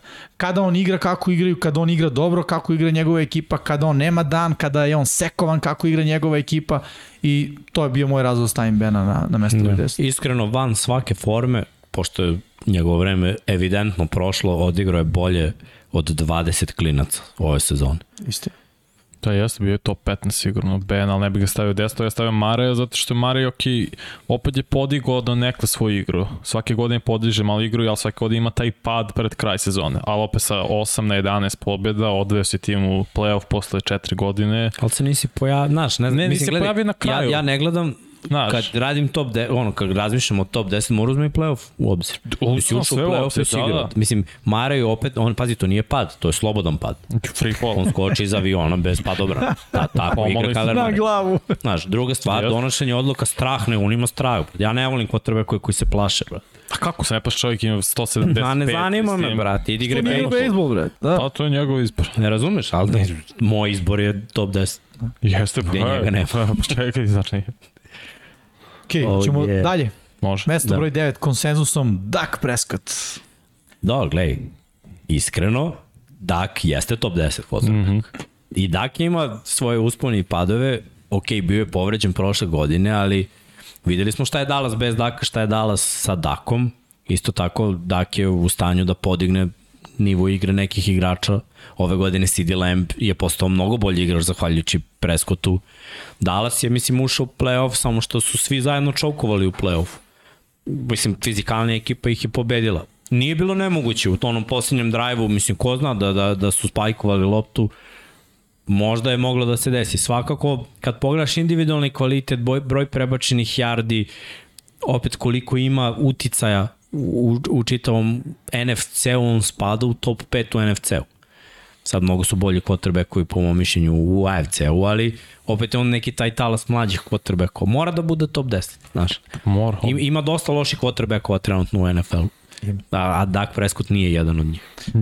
Nije, Dak je oborio rekord dala se po broju touchdowna u jednoj sezoni. Mislim, to znači, stvarno kad i pogledaš koga sve dala se imao u istoriji kao na, na, igračan poziciji quarterbacka, ali i poboljšao svoju igru. Jes da je napad više orijentisan ka pasu, što možda to nije dobro generalno za Dallas kao Dallas, ali za Daka je to dobro i pokazao se u bitnim nekim mečima kao prvi meč protiv Tampe. Posle stravične povrede Dak je odigrao sjajno, umao i to da pobede i podigo igru i mislim da igra generalno kako će Dallas da nastupi zavisi najviše od Daka. Ako on igra loše, Dallas ne može pobedi. I to je istina. Uh, meni on nije bio top 10. Dobro, da. Verovatno zato što sam malo, što je rekli, Pristrasan. suvetni gad, da, i bio sam pristrasan u tom smislu. Uh, nije mi čak bio ni 11. Ali de facto i pripada u, u, u tu u tih 10, ajde da kažemo. Eto, realno sam mogao da ne stavim Rotosbergera, stavim Preskota, uh, ali nekako, šta je moj najveći problem sa Dallasom? Ti kažeš Vanja oborio rekord, jeste oborio rekord, ali znaš, on sipa touchdown u nebitnim mečevima. Isto. Ono, znaš. I onda kad najde težak, težak meč, bam, ono, nema ga. Nema celog Dallasa zapravo. Da, imaju dosta igrača koji se ne pojavljuju. Znaš. Tačno. Ja mislim da će Mari Cooper isto da bude kato na Galup će da ostane, ali Takođe to, to su ti isto dva igrača koji su ono tu pa ne. CD Lamb takođe, mislim, on je u play-offu bio pravi primer da ga nema, ima hvatanje u posljednjih 30 sekundi na utakmici prvu. Tako je. Znaš, mnogo igrača, Elliot, imaginarni Sva- hiljadu jardi. Svake godine u free Znaš, fallu. Elliot. mnogo igra off, online. D-line. Možda se je pojavio Parsons kao tu jedina ono, Sorry, kao Randy Gregory je bio dobar isto. Top bio plan. Top plan. Ja, I mislim sad će i onda ode da za veće pare. I to je istina. Tako je. I, znaš, da je Dallas pobedio u play-offu, stavio bi ga u top 10, bez razmišljanja. Bio bi mi taj 10 i ne bi mi uopšte bio u konkurenciji. Ali od, ono, od njih sam očekivao da pobede, nisu pobedili. Od Steelersa nisam očekivao i nisu pobedili. I nekako zbog toga sam dao, da kažem, prednost tu Big Benu. Ali evo, generalno samo ću reći, znači Prescott je vanji bio deveti, ja ga nisam stavio, u top 10, Ercegu 10, Miksi 9. Tako da ono, Da, da. ta To- deveta pozicija, Ali možda Dak je vrlo dobar quarterback. Dak nije Jeste. odličan quarterback, nije elitan quarterback. Dak, onaj meč protiv Denvera, nikada ne mogu zaboraviti da imao nulu do 5 minuta pre kraja četvrte, Tako, je onda bio... ja mislim da neće biti bolji od ovoga, to je to. Samo Pa- ekipa može biti bolja, Neće, ali ovo je neki neće. limit. I, mislim, I nije, vrlo- nije, nije, nije nizak limit, nije, Nije. Baker Mayfield limit. Ne, Ovo je visok limit, ali 10 jednostavno tu je. Da, da. Da, Nije loše biti ono top 10 limit. tačno. Ako su prave kotkice oko tebe i ako se sve poklopi kako treba, i gori quarterbackovi su pobeđiva. Yes. Tačno. Srđani, ti dodaš nešto i da idemo dalje? Ček da pronađem svoju kameru. Jedan. Opa! Ćao svima. Čekaj da vas vratim lepši od mene. Sva. Pa šta ima da dodajem? Čekaj da se povatam ovde. Imam dva svičera, glava mi već je e, tiltovale. Pa, pa sve ste manje više rekli. Me, ja sam prosto smatram da Prescott mora tu da bude, pa sam ga stavio na desetu poziciju, ali mi nije bio toliko impresivan baš zbog ovoga što si ti pričao. Da, da se vratim na kameru, da, izvinjam se. A to je, čekaj, gledam tamo, ovamo, bizar. Ali samo zbog toga sam ga stavio, mislim da zaslužuje da bude tu, ali opet ta priča, kad dođe velika utakmica, nema ga i ne može da bude više od ovoga. Zašto sam Wilsona izbacio? Možda su mi prevelika očekivanja od Wilsona, samo da prokomentarišem izbor broj 10 malo pre, jer nekako od Wilsona možda ja previše želim, očekujem, ne znam, možda sam ga kaznio za razočaranje, ali, ali realno kao što ste rekli, da je, da je malo bolje odigrao, bio bi mnogo više. Ali idemo dalje, to bih samo dodao. I za Rotlisbergera, inače svaka čast što si ga stavio, zato što mislim da zaslužuje da ga spomenemo, ako ništa drugo.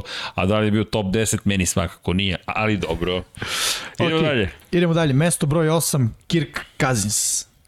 Uh, Pa da, mora je, mora je da, da upadne na top 10, jer mu je ovo možda bila najbolja sezona u karijeri i to dosta utakmica bez Tilena, mm. ali dobro dobio je novu, novu igračku i JJ igra kao lud. Ozbiljno.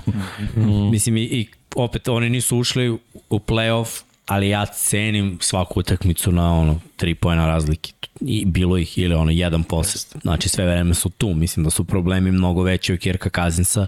Mislim da je Kirk jedan od onih quarterbackova koji kao i Dak traži idealnu situaciju da bi on igrao mnogo bolje sve ovo što se dešava trenutno s Minnesotom u ovom free agency i draftu može da mu pomogne da on bude bolji igrač, ali kad pogledaš generalno nema mnogo boljih quarterbackova od njega. Pre bi izabrao ja lično njega nego mnoge quarterbackove. Ima ruku, ima srce, hrabar je, zna da istrpi udarac, zna da istrči kada treba. Mislim, ima mnogo svojih nekih kvaliteta koji u ovoj situaciji u NFL-u trenutno ga stavljaju u, u top 10. Ja mislim da on je tu na margini. Zato je kod mene bio broj 10. da. Sad ne znam kako su ga drugi kotirali, ali Ja Ja meni sam- bio da. 8 fali. Vanja ga je stavio na 8 mesto, ja na 9, Srđan na 9 mm -hmm.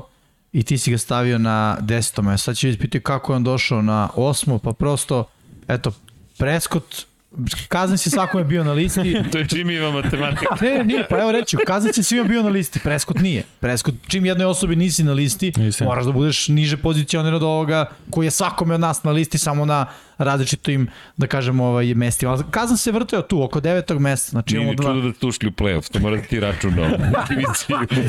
Ej, mi smo ušli u play dva kola pred kraj, tako da... što nisi za nas malo izračun. um, ali da, slažem se s ovim što je, što je Miksa rekao. I s druge strane, meni je e, Kazans kada pobedi, ostane mi nekako onako pozitivniji utisak nego kada Dak Prescott napuni slabu ekipu sa pet bačenih touchdowna ili šest. Pa Iskreno. da, pa i da i ovi, kako se, Kazanci je bio jedan redki quarterback koji je imao ispod 10 presečenih lopti i preko 27 touchdown dodavanja, što je mnogo teško. I Mislim, preko 4000 yardi. Tako, Tako je. Statistika, mislim, ne gledam mu je ono striktno, Striktno. Ali uzmemo njegova obzir. je dobra. Tako je. Jeste. Baš je dobro, ovo mu je najbolja sezona u karijeri. Tako je. Znači, smanjio je rizik, iskoristio je sve svoje šanse koje je mogao. Mislim, bilo je tu situacija. Mislim da nema njega, Minnesota bi bila, Drugačija ekipa, slabije su. ha, tri pobede bi imala. Malte ne. A mogli su mnogo više. Da, da. Dobro, okej. Ćemo dalje. Može. Ko je Mesto, kome je bio osmi? a, to nisam rekao, nisam, da. Da. Znači, Mixi je Wilson bio osmi, Ercegu Marej, meni Wilson i tebi Vanja Kazas. Ko? Eto. Mesto broj 7, Matthew Stafford, Super Bowl šampion. Koga je ocrnio? Koga je ocrnio? Ajmo, ajmo sada. E, ja sam vidi. stavio četvrtog. Ja nosim crninu sramo. Meni i tebi je na sedmom mestu. Upravo to. A Ercegu i Vanji, A, Vanja ga je stavio na trećem mestu. Bravo. Treće. O, Bravo. Erceg na petom mestu. Pa mi se rekli ste uzimamo sve i Pa ja- play-off. Da, da, sve. sve, sve, naravno. Pa zato sam i stavio na treće. Ja imao je veoma dobru sezonu, a kraju malo uništio sa ovim konstantnim pick sixovima, ali u play-offu izdominirao. Ne, u play-offu igrao dobro. Baš igrao dobro, tako samo zbog Jeste. toga sam ga stavio u top 3. Ali, samo ću da dodam jednu stvar. Cooper Cup. Matthew Stafford je od Goffa bolji za, jedan, za jednu pobedu. A to je pobeda Super Bowl. Mislim, realno Goff je doveo Ramse do Super Bola. Stafford ih je odveo korak dalje. Nije to mali korak, to je veliki korak, da kažemo, istorijski korak za celu franšizu u smislu nisu sad oni patriote pa su naređali sedam uh, Super Bolova i kao ovaj, sedam Šest. Šest, šest, Brady. Mislim, ako hoćeš učešća. 10. E, osvojenih, osvojenih, to sam, Lombardi trofeja. Da, da, loš, sam, loš sam se izrazio. Lagano. Ovaj, već e, donao im je to što im je trebalo, Remsima. Ali, mnogo grešaka. Mnogo grešaka za veterana, da je on u nekom, nekoj petoj, šestoj sezoni, pa ajde, okej. Ali on je realno de facto veteran u ligi, ne bi smeo da pre veteran koji igra u lošem timu, došao u bolji tim i baca ono, interceptione i najviše pick sixova u sezoni. Nije me su potpunosti ubedio da mogu da ga stavimo ono kao u, u priču sa, ne znam, Bradyjem, Mahomesom, Rodgersom, ipak su oni, Elite. moje mišljenje, da, on, iznad njega za barem jednu lesicu. Mislim, gledaj, Stafford je vrhunski kotorbe, ali Jeste. njegova igra je prilično predvidiva. Postoji razlog zašto je Megatron imao skoro 2000 yardi, zašto je Cooper Cup imao skoro 2000 yardi. Samim tim što mu igra predvidiva, ima i te pick sixeve i, i te greške. Mislim, ali neko voli taj stil. To je, ovo je sad već ono lično, jel voliš ovaj fazon ili ne voliš? Naprimjer, kad gledaš košarku, neko gotivi pleja koji prangija 20 trojki puta. Ja ne volim. Znaš, ako nije izbalansiran. Ne, neko voli, razumeš, ono, centar koji ne zna da šutne sa, sa dalje od 3 metra. Vratimo se na američki futbol. Znaš, svako ima svoj fazon. Neko voli shifty running backove, neko voli power running backove, neko voli velike hvatače, neko voli ove, ove male spitztere. Za svaku poziciju neko ima nešto šta voli. Ja, gunslingere, re, realno, ako ovoliko rizikuju, ne, ne gotivim više od nekog ko ima ono apsolutnu kontrolu i, i još kao neke druge atribute. Druga stvar, pogledam ono playoff jeste bilo ono od njegove strane odigrano kako treba, mm -hmm. prva utakmica. Mislim, Laga. ko, je, ko je uništio Mareja i napad Arizona. Čovjek nisu, mislim, odbrana je pomogla mnogo da on nema nikakav pritisak da izađe ono kao... Ma ne, evo je odradio je posao. Jeste, Bukvalno, tako, samo evo, evo je prva pobeda protiv ono bednika. Skupio prvu pobedu. I ide druga utakmica. Druga utakmica je Super bila Bowl je, jedva. Jedva. Znači, nisu bile njegove greške, ni snap nije bio njegova Da, greška, ni dva fambla, nisu bili, tri fambla u stvari, nisu bila njegova Mhm. greška. Bacio je ono bunar kad je trebalo, bunar prošao, da li je samo njegova zasluga što je bacio bunar, ne znam, ali njemu se isto piše, poštujem. Okay. Nije mašio. To je bitno ono što, što bi Goff uradio, na primjer, ili neki slabi quarterbackovi. Uh, Stafford je koristio šanse, što mu odbrana dala. Pružila, ok, kap sam, bam, ja pogađam, sigurno. To znači, to se vidi i to će sigurno proći. I zato sam rekao, Stafford je odradio svoj posao u smislu pogađa ono što je bilo neophodno i potreba. Da. Blackout. Srki, blackout. više nikad nećeš štediti tamo. Neću sedeti tu, da, da, pogrešan switcher, čekaj, čekaj, malo je bilo, opa, prebacile se ručice, izvinite. Samo je bila crnina i onda panikaš zašto ne rade kamere. I ljudi misle da Dom Pablo ne Ima zarađuje lagan posao. svoj lepo. Krvavo, samo je bilo crnilo, opa, tup. Znaš kako, ali nego kad e, pričam ko ono, quarterback top 5 i setim se onog bunara koji Tart nije presekao, odmah mi padne stav, Ne može- da, pa, znaš, ono, za, za poziciju ili dve. Tako je, tako. Ali ono, da je top 10 jeste, Jeste. da je ono što je trebalo Detroitu, neko ko će da dođe da reši kad je najvažnije, jeste. Ramsima. Dobro, Da, izvinjam. Da, Remsima jeste. Da je ono što je trebalo Detroitu i to je bio, ali nije bilo pa, oko Stafford je ono, uh, nešto što je granica vrlo dobrog i elitnog. Da se Pa gledaj, tu Stafford- barata tamo Stafford vamo, je tamo ono vamo. što bi Dak Prescott i Kirk Cousins mogli da budu Bravo. da, ako Bravo. osvoje Super. Tako je. Bravo. Stafford je za toliko bolje od obojice. Da. Realno. Diskutabilno je sad da li Cousins ili Prescott, mislim da će biti, da kažem, stvar ukusa ko je iznad njih dvojice. Znaš Ko je šta bolji od njih Znaš dvojice? ko je mogu, Ali Stafford iznad Rivers je mogu bude ovo što je Stafford. samo što ima još više generalno ovaj personalnih u i pro boleva i sve i svih svega toga. Dostignuća kao, jel? Pa da. Dobro pobeđivaju u play-offu. Jeste. Rivers. Ne, pa samo to da je uzeo Super Bowl, to ti je to. Nije nikad bio je u onom top 5 kotrbe, nikad nije bio ono elita, elita Tom Brady, Peyton Manning, ali je tu bio u granici top 5 konstantno. Zato Da. kažem, to je neki taj limit. Da, ajde da počitam ko je, kome bio, ko je bio na sedmom mestu. Znači, tebi Vanja je bio Mahomes, baš si ga downgrade-ovo. Mm. A, meni je bio Stafford, kao što rekao, Hercegu je bio Barrow. A, I Mix je takođe bio Stafford. Hercego, ćeš možda kažeš zašto ti je Barrow na sedmom mestu, a Stafford na petom? Pa, Zato što je ovo je osvojio titulu, ovo Pogrešno. nije osvojio titulu. Novi ugao. A? Na. Ovo je ugao, a? Čekaj, Novi ugao. reci, a ovo može da vidi publika. Ja sad mogu da vide čarape. Smanjene čarape. pa malo da se igramo, znaš, malo da vide kako to izgleda iza kulisa, šta sve to tu ima. Ali ovo je osvojio titul, ovo nije osvojio titul, bukvalno to mi se svelo na kraju. Ja mogu da vidim i koliko sam oćelavio, to isto skroz. Ali eto, zato, jer Barrow, a, vidi u play-offu, Barrow nije bio briljantan, a bio je naravno na visini zadatka, otišao u Super Bowl, ali prosto ajmo da uračunamo i tu pobedu, valjda nešto znači na kraju dana. I ono što je radio protiv Tampe u ključnom momentu, jeste mi se i objasnio kako to funkcionira, ali mi je to nekako podiglo Stafforda, ništa drugo. Eto, sve svemu. To je to i sada, opa, nazad na publiku. Opa, izvinjam se, nazad na Jimmy. A, mesto broj šest, Herbert, Justin Herbert. Vanja se odmah osmehnuo. Nice. I sad nemamo više ni sliku ovako.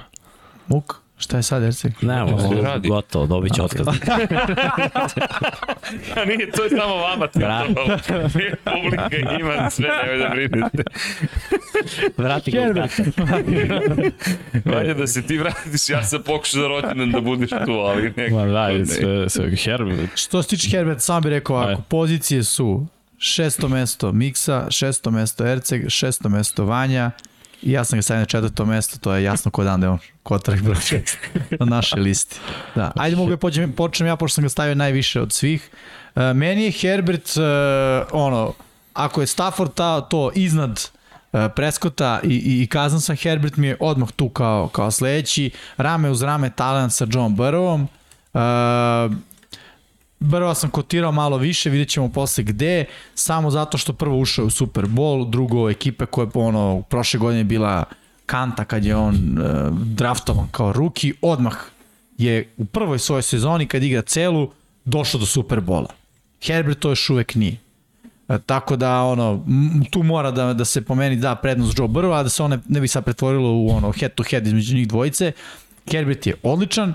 A, što se tiče ruke, što se tiče donošenja odluke iz godine u godinu sve bolje i bolje. Međutim, ok, ove godine i narednih sezona vratno ćemo malo kočnica biti trener zbog svih onih odluka i više tu Herbert izvukao Staley-a nego što je Staley pomogao Herbertu tokom Istina, ove sezone. Istina.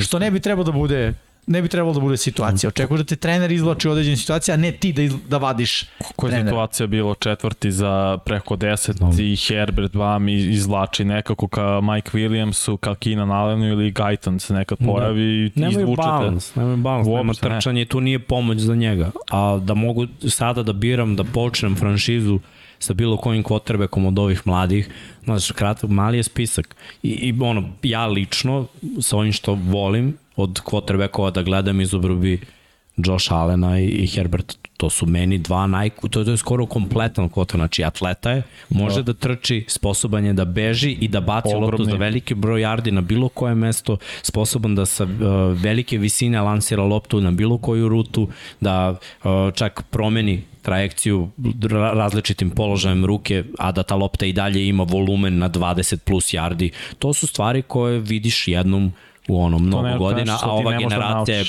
evo ga, Da, da, to je nešto ne možeš da naučiš druge je. to je prirodni talent koji imaš, nemaš, on ima, mislim, nisu ušli u playoff, nije njegova krivica samo, ali imao je i on utakmica gde, gde ono, je odigrao Ima malo slabije. Patriota, isto je Ima protiv slabije. Baltimora. Baltimore To je bila grozno. grozna njegova utakmica. Jeste. Znači nije pogodio ništa. Ne, Patriot i Baltimore to su bile dve najgore utakmice. Mislim, generalno igrao je na visokom nivou. I Ja, ja, gledaj. dodavanje, oni protiv uh, Giants, on dodavanje je preko 50 yardi dok ga juri uh, edge rusher, to je meni bilo Mnogo, nerealno. mnogo busted coverage-a koji su išle za Majka Williamsa, sve za ono 50 plus yardi i touchdown. Druga stvar, dva quarterbacka prebacila 5000 yardi. Herbert je jedan od njih. 17 tekmi, sve okej. Okay ali to je ipak velika stvar. Jedini quarterback koji u prve svoje dve sezone prebacio ono, 9000 yardi. Pa ne, on ima fantastičan start karijere. To ja bih rekao s- ono, start uh, snova. Cela Bukvalno. priča kako je startao nije bilo planirano, pa ono kao ruki obara rekord, pa sad kad, kada gledaš ono sve kako se gomilaju njegove rezultati, to je stvarno sve fantastično. Sad jedino ono tim i okruženje trenutno su veća prepreka nego on sam. Ali Herbert po meni, uh, ono tu je između njega i Joe Barrowa ko je u top 5, aj tako da kažemo. Možda je to Barrow i na kraju konsenzusom Baro ima taj veći šmek od, od Her- Herbert je više ono lagan, sve ni, ne jednom sad da taj naglo odjednom da povuče i može da povuče, nego je Baro više pa i rezultat naš. Da, vatreniji je Baro. Kad pričamo o, da kad vodi nekoga. Da. Znaš, nema to Herbert u sebi da on preuzme tako, on će potezima, on neće gestikulacijama ili tako neko da se ne znam kako to najbolje da definišem. Baro ima taj it faktor. Pa, u brate, ima i pobednički mentalitet. Znaš, kad osvojiš Ima. NCAA, Ima. malo si laganiji, igro si šampion, znaš, Ima. šta si imao na Oregonu, on nije bio ni projektovan, on tek na senior bolu se vidio Luka ovaj mali ima potencijal. Da, da, da. Ali ovo je već bio osvajač Heismanovog drugog. Znaš, neke stvari ti idu ono, ka, kao vetar u leđa mm. -hmm. kada, kada govoriš o samopouzdanju. Osvojiš Heismanov, osvojiš NCAA Tako u najbrutalnijoj sezoni ikada, budeš ono prvi pik, a ne ono kao draftovan si u prvoj rundi i svi kao puf, neće igrati nikad. To, to su da. sve stvari koje te guruju, ja sam najjači. I ti Jest. sam guraš svoju sliku, Jest. ja sam najjači. I ideš dalje i onda dođeš do Meni Super Bowl Herbert za dve godine, mislim što u ima glavi ti veći je. talent, prirodni talent nego Baro. I, i bolji, Bolji atleta. atleta. Mislim, ruka atleta. isto može baci i više, čak i, mo, i možda i, i, ne, i opet lepše mi izgleda kad baca. Baro izgleda, i Baro izgleda i Meni fenomenalno. Herbert, ako gledamo lepotu u izbačaju, jer i to je isto Da, da, da. nešto što imaš u košati, ne mora znači da je uvek sve precizno, ali Tako gledaš je. lepota izbačaja. Rodgers mi je lagani broj 1, Herbert mi je broj 2. Mm. Znači, ovo meni izgleda prelepo. Znači, m, lakoća, to u stvari koliko bez eforta, bez ikakvog truda on Da, da. lagano pap. To ide kao meta, ali 30 yardi. Keenan Allen je to rekao, ide kao meta, kao upadne kao jasno, lagano. To, to, je, to je meni bilo prelepo kad sam gledao Michael Vicka. Ono, leva ruka, znači ono, nategne je, lopta ide 50 yardi, luka nema. Znači, ono, malo se podigne i ide gde treba i, to, to su ono stvari, ko, svi su pričali, znači, dok je Michael Vick igrao, on, brate, kako Da, da. on to radi bez truda, znaš, neko mora iz nogu, Da, da, vidiš, da. evo, preznoji se čovjek dok, dok baci, a neki ljudi ne moraju to da radi. Jest. Samo bih parano rekao, pošto realno smo, jesmo malo pretvorili ovu duel Herbert Barrow, opravdano, mm -hmm. pošto je na mestu broj 5 Joe Barrow. Tako je. Nama. I stvarno mislim da jeste bilo ono, tu su. I sad sam baš gledao onako, da kažem, head to head između njih dvojice, nekome je Barrow ispred, nekome je Herbert e, e, ispod i obrnuto smo imali te situacije, su- ali su svuda bukvalno jedan uz drugog. I, ili ono, delih možda jedna pozicija između. Tako da stvarno jeste onako. I to je super za NFL generalno i za sve nas, da dva mlada quarterbacka možemo da svrstamo u top 5.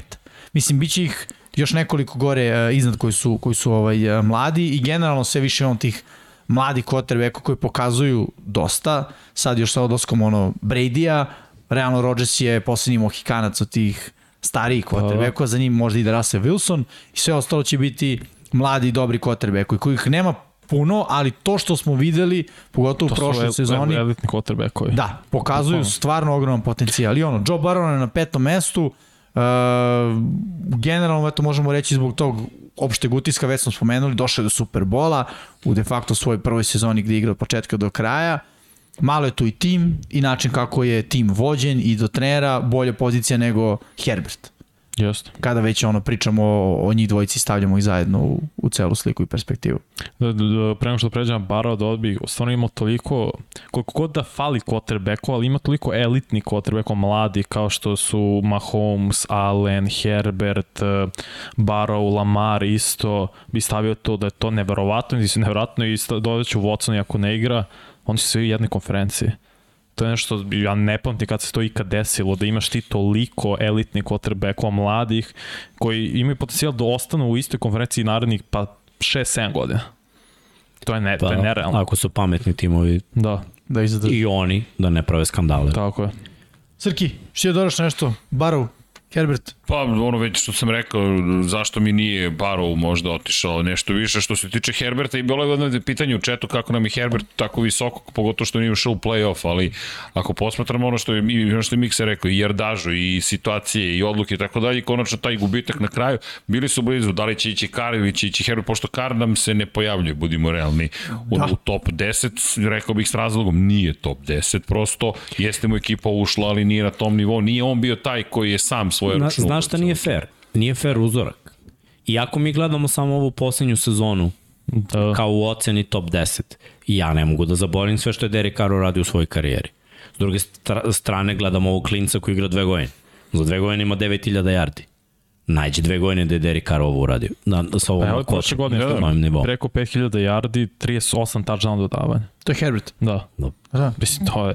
Rekord. Ne, ne, ja mislim da je Herbert de, de facto bolji kvotrbe kod Derika Carra. Da, moram da tu biram. Nema... Ja, moj tim, ja sam trener. Da, da biram kvotrbeka. Derek Carr, Herbert. Ne bi ne razmišljao. Kara ne bi pozvao na razgovor. Bukvalno. Ne, ne, ne bi majke mi. Bukvalno ga ne bi pozvao. Ako neko misli Derek Carr, da, da. poštujem, slobodno. Slažem se. Ali ja ocenjujem kao da, znaš, šta ja mislim i da, da sam ja trener to je što je meni bolje vidi, koja je poslednja Herbertova utakmica gde se nije pojavio? I koliko Baltimore. ih je imao? Imao ih dve ove godine. I prethodne godine pitanje da li imao dve. Imao je jednu, ja bih rekao. Sigurno. Prošle. Klinac. Pričamo Klinac. o tri utakmice u dve godine. A Derek Carr svake nedelje ne znaš da će se pojaviti. Šukar. Ne, Šta je bilo? veće iznenađenje kad se pojavi, nego kad se ne pojavi. Ko je dobio direktnu duelu, mislim? Tako. Da. I to da pogledamo. Ko je bio bolji? Divizija su. Jesu, Mislim, dva puta godišnje. Tako je. Posljednje dve godine. Četiri Tako da, da, zbog toga, ok, kao što kaže Miksa, ok, nekome možda Derek Carr, to je sasvim legitimno, eto, možda bi meni pre bio priči za neka poslednja tri mesta, nego da ga da priča da spominjamo Derika Kara sad kad smo došli do ono top 5. Ali gledaj, uzmeš u obzir ovde imaš i ono kao plafon, gde je Derek Carr, ko je moj plafon? Plafon mu je da bude Kazins i Prescott. To Tako je, je plafon Derika Carr, to je plafon, plafon Herberta. Znaš, ono, ide u drugom smeru. Ide u drugom smeru. Ide u drugom smeru. Ide u smeru Josh Allena. Iskreno. Recimo. Može pa čak Josh i... Allen ide u smeru MVP sezone. Tako je, tako je. Dobro, ok, došli smo do mesta broj 4. Patrick Mahomes. A ne, Baron...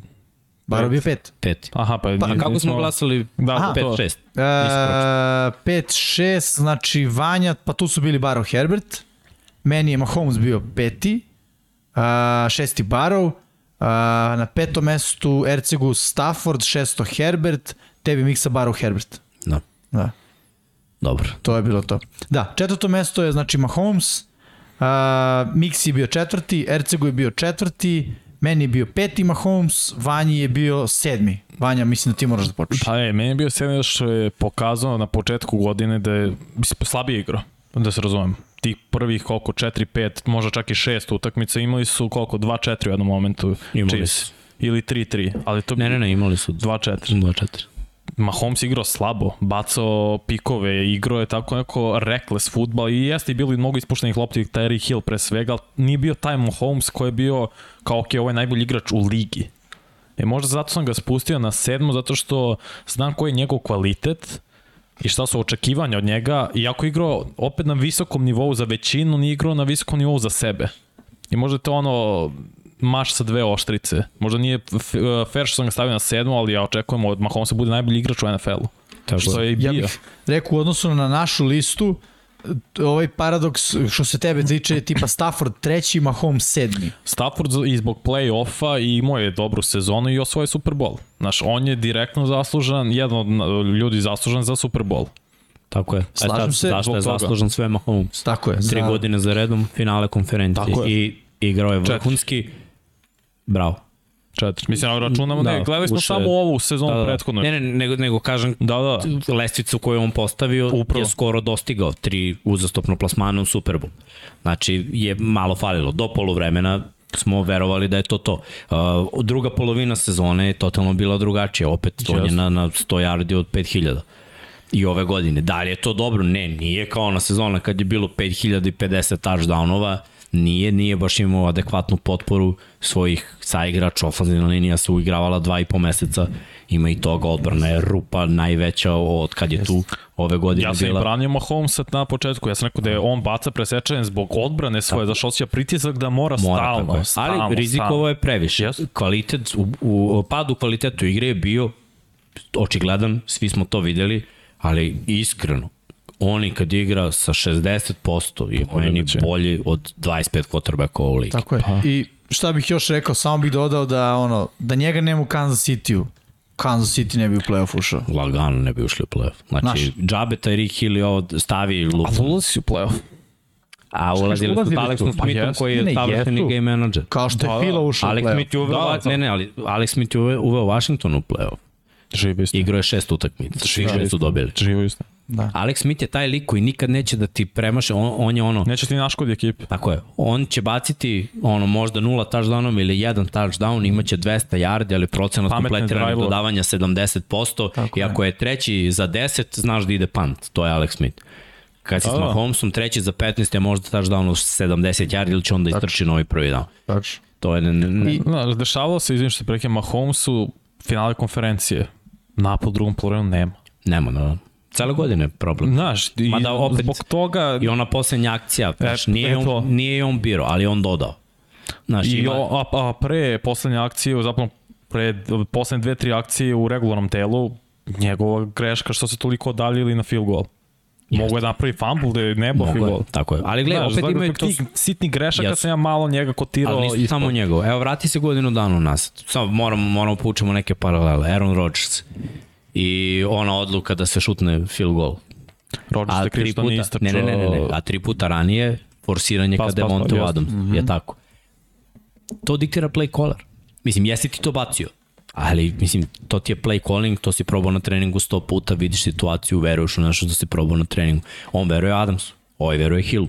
Svaki ko, ja, ja verujem da Herbert veruje. Svaki quarterback ima jednog lika kome veruje na terenu i ono, bezuslovno je poverenje i ide se hiljadu posto Da, na to. Na, na, nije samo njegova krivica, ali Mahomes nam je bio prostenji put kad smo radili broj 1, je tako? Tako je, tako, tako da je ovo Zato što je ta bila da brutalna sezona. Znači, ja mislim da smo ga realno spustili. Da je Da, da. realno top 5, Yes. Ma, ljudi, da se razumemo, sad kad dolazi godina da biramo pred početak sezone, ko ti je najbolji quarterback, ja ću reći Mahomes je najbolji igrač.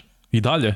Nego samo je imao slabiju sezonu Jeste. nego inače. Zato sam ga ja kotirao slabije, ali meni on i dalje najbolji quarterback generalno kad pogledaš. I Sad samo, I samo zbog njega Chiefs su mi dalje Tako je. najbolji tim Tako na je. zapadu AFC-a. Bez obzira što je tu ono, Herbert, bez obzira All na star, Russell Wilson, naš, ali tu je Mahomes. Slažem se, slažem se. I baš ovo što si rekao si odlično rekao. Poslednji put kad smo radili bio je broj 1, sad je broj 4 i mislim da je to, da kažemo, ono, srazmerna kazna, odnosno pad u, u njegovom, kao što i bio ove sezone. Pad u njegovoj produktivnosti, pad u njegovom kvalitetu, u smislu, ono, bilo je svega na početku sezone. Mislim, videli smo. I po meni ovo je skroz okej. Srke, bi ti dodao nešto? Ma, samo kratko, ali na Mixi se komentar oslonio, a to je zapravo do jeste ozbiljan pad za, za Patrika Mahomesa sa, ne, sa neke suverene pozicije broj 1 gde niko ni ne razmišlja o tome da skloni Mahomesa, to je zlatni dečko, 500 miliona, osvojit će sve što može da se osvoji, opet nije osvojio, to je ono što si isto rekao, a ide polako na dole, nije da mu je trend rasta i da, možda ćemo najaviti njega ponovo i gledat ćemo Mahomes, eno je 15-ica tamo, ej, to je, to je Mahomi, ali ljudi polako prolaze godine, a Mahomi ne ređate titule. Da, ovde gledam Mac Studio, nemoj da... Dobro, samo gledam. Si primetio, a? Pa, naravno. Izašao je novi Mac Studio, gledam kako radi rendering. Dobro, Ljudi. samo nemoj neki drugi tab da se otvori. E, hoćeš ti da se... ne, ne, ne, ne, ne, ne, ne. Ne, ne, ne, bez brige. Ovo je bezbedna pozicija. Ne, ja sam samo u tech pornu, to je samo da, ako ima CPU i GPU, to možemo o tome da pričamo. Ajmo, Jimmy, pucaj. Ajmo, Pucaj, Jimmy. idemo, mesto broj 3 i ovo je potpuno zasluženo, to je Josh Allen. Tu nema šta, mislim da teško dok su ova dvojica bila tu koja će biti na mesto broj 2 i 1, da Allen dođe na jedno od ta dva mesta, ali Allen svakako skok i po onome što je pokazao ove sezone od tih uh, mladih quarterbackova po meni, a mislim da će se i vi složiti ono definitivno opcija broj 1, A, pošto su iznad njega stariji ovaj, e, malo igrači, ali nećemo sad o njima. A, inače, na mesto broj 3 smo ređali ovako a, Miksa stavio Rodgersa, Erceg Alena, ja Alena, Vanja Stafforda. To smo već To sam ja stavio Alana četvrtak. Ti si Alena stavio na četvrtom Ok. mestu, a Miksa ga je stavio na drugo mesto. Ja obožavam Alan. Jeste. Šta? Imam blagu erekciju kada igra. Okay, neke stvari Vičing Ostaju zovu Vičing intima, zato što su- bliži. samo za tebe. E, čekaj, samo da otkrijemo još afinitete čimi je Ivanjine. Da. Ne, Ne, ja nemam ali ali glej, Herbertu bio juče rođen. opa, O, To sad na temu blage erekcije ili šta? Jel zajedno slavite? Svako, svako. ne, Mogu bi iskreno, pazi, kada, od kad je ušao u NFL, progres je neverovatan. Mm. Znači, on je svake godine sve bolji i bolji. Billsi su od kanturine NFL-a postali ono, ove godine Super Bowl kontenderi. Izgubili su zato što je Novčić rekao Mahomes ide u napad. Verujte mi da je Novčić rekao Billsi dao bi touchdown. Znači, Bilsi bi zgazili Sinci. O, Bu, ja sam ubeđen da to Bilsi stigli Bili da bi zgazili Super Bowl, Sinci. da. Da, da. Bilsi su prvo kao ekipa dobra ekipa, ali vode se ludačkim vođenjem ekipe Josh Allena. Tako je. Trči top 3 u ligi. Ima je preko 750 yardi, 6 Znači on touchdown. trči top 3 u ligi uz baca top 3 u ligi. Da. E, to je nerealno. Greške svedene na minimum, prvo snaga, hrabrost, lakoća, Znaš, ima topinu u ruci, ja mislim da on može 80 yardi bez problema da, Lagano. da, da Vidio, i jedna ono što kažu, ne, ne, stvar koju ne možeš da opipaš, liderstvo. On već sada, po meni, ima liderstvo Tom Brady. I on je klinac, on je ušao Tako je. u NFL kao, kao, kao dečak. I on i Kao Lamar Lamar, su, da, da. su ono, bili deca kad su, nisu imali ni 20 godina. Da, Da, imali su 20, 21. 21, da. Lamar je mislim, on- mlađi godinu dana. Lamar ima 20 u krugu. Da, da, a ovo ima 21. Je napunio 21 kad je ušao. Ja Josh mislim da Allen, je. jeste, jeste. Jeste. Da, da, odigrao 3 Ali godine. mislim, deca. Uglavnom znamo da uđu, Burov je ušao sa 20, 4, 25 skoro, da. 24 ima. 24, Bolest. 24.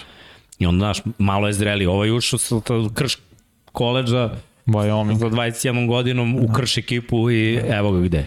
Brutalan potrebek. Ja, ja mislim da, da od ovoga savršenije ne može po mom ukusu. Znači ja volim da su visoki, teški, jaki, da, da znaju da trče i da znaju da bace. On sve zna. To je to. Slažem, ne bi bukvalno ništa dodao, ono, odlično se sumirao. Mogu samo da dodam vest koja je upravo izašla, Max Crosby piše ovde, dobio je izgleda ozbiljan ugovor u celoj priči i produžili su pre par minuta i izašlo, samo da vidim koja je pouzdana informacija, mada nam publika Opa. piše, kaže 98 milki strale.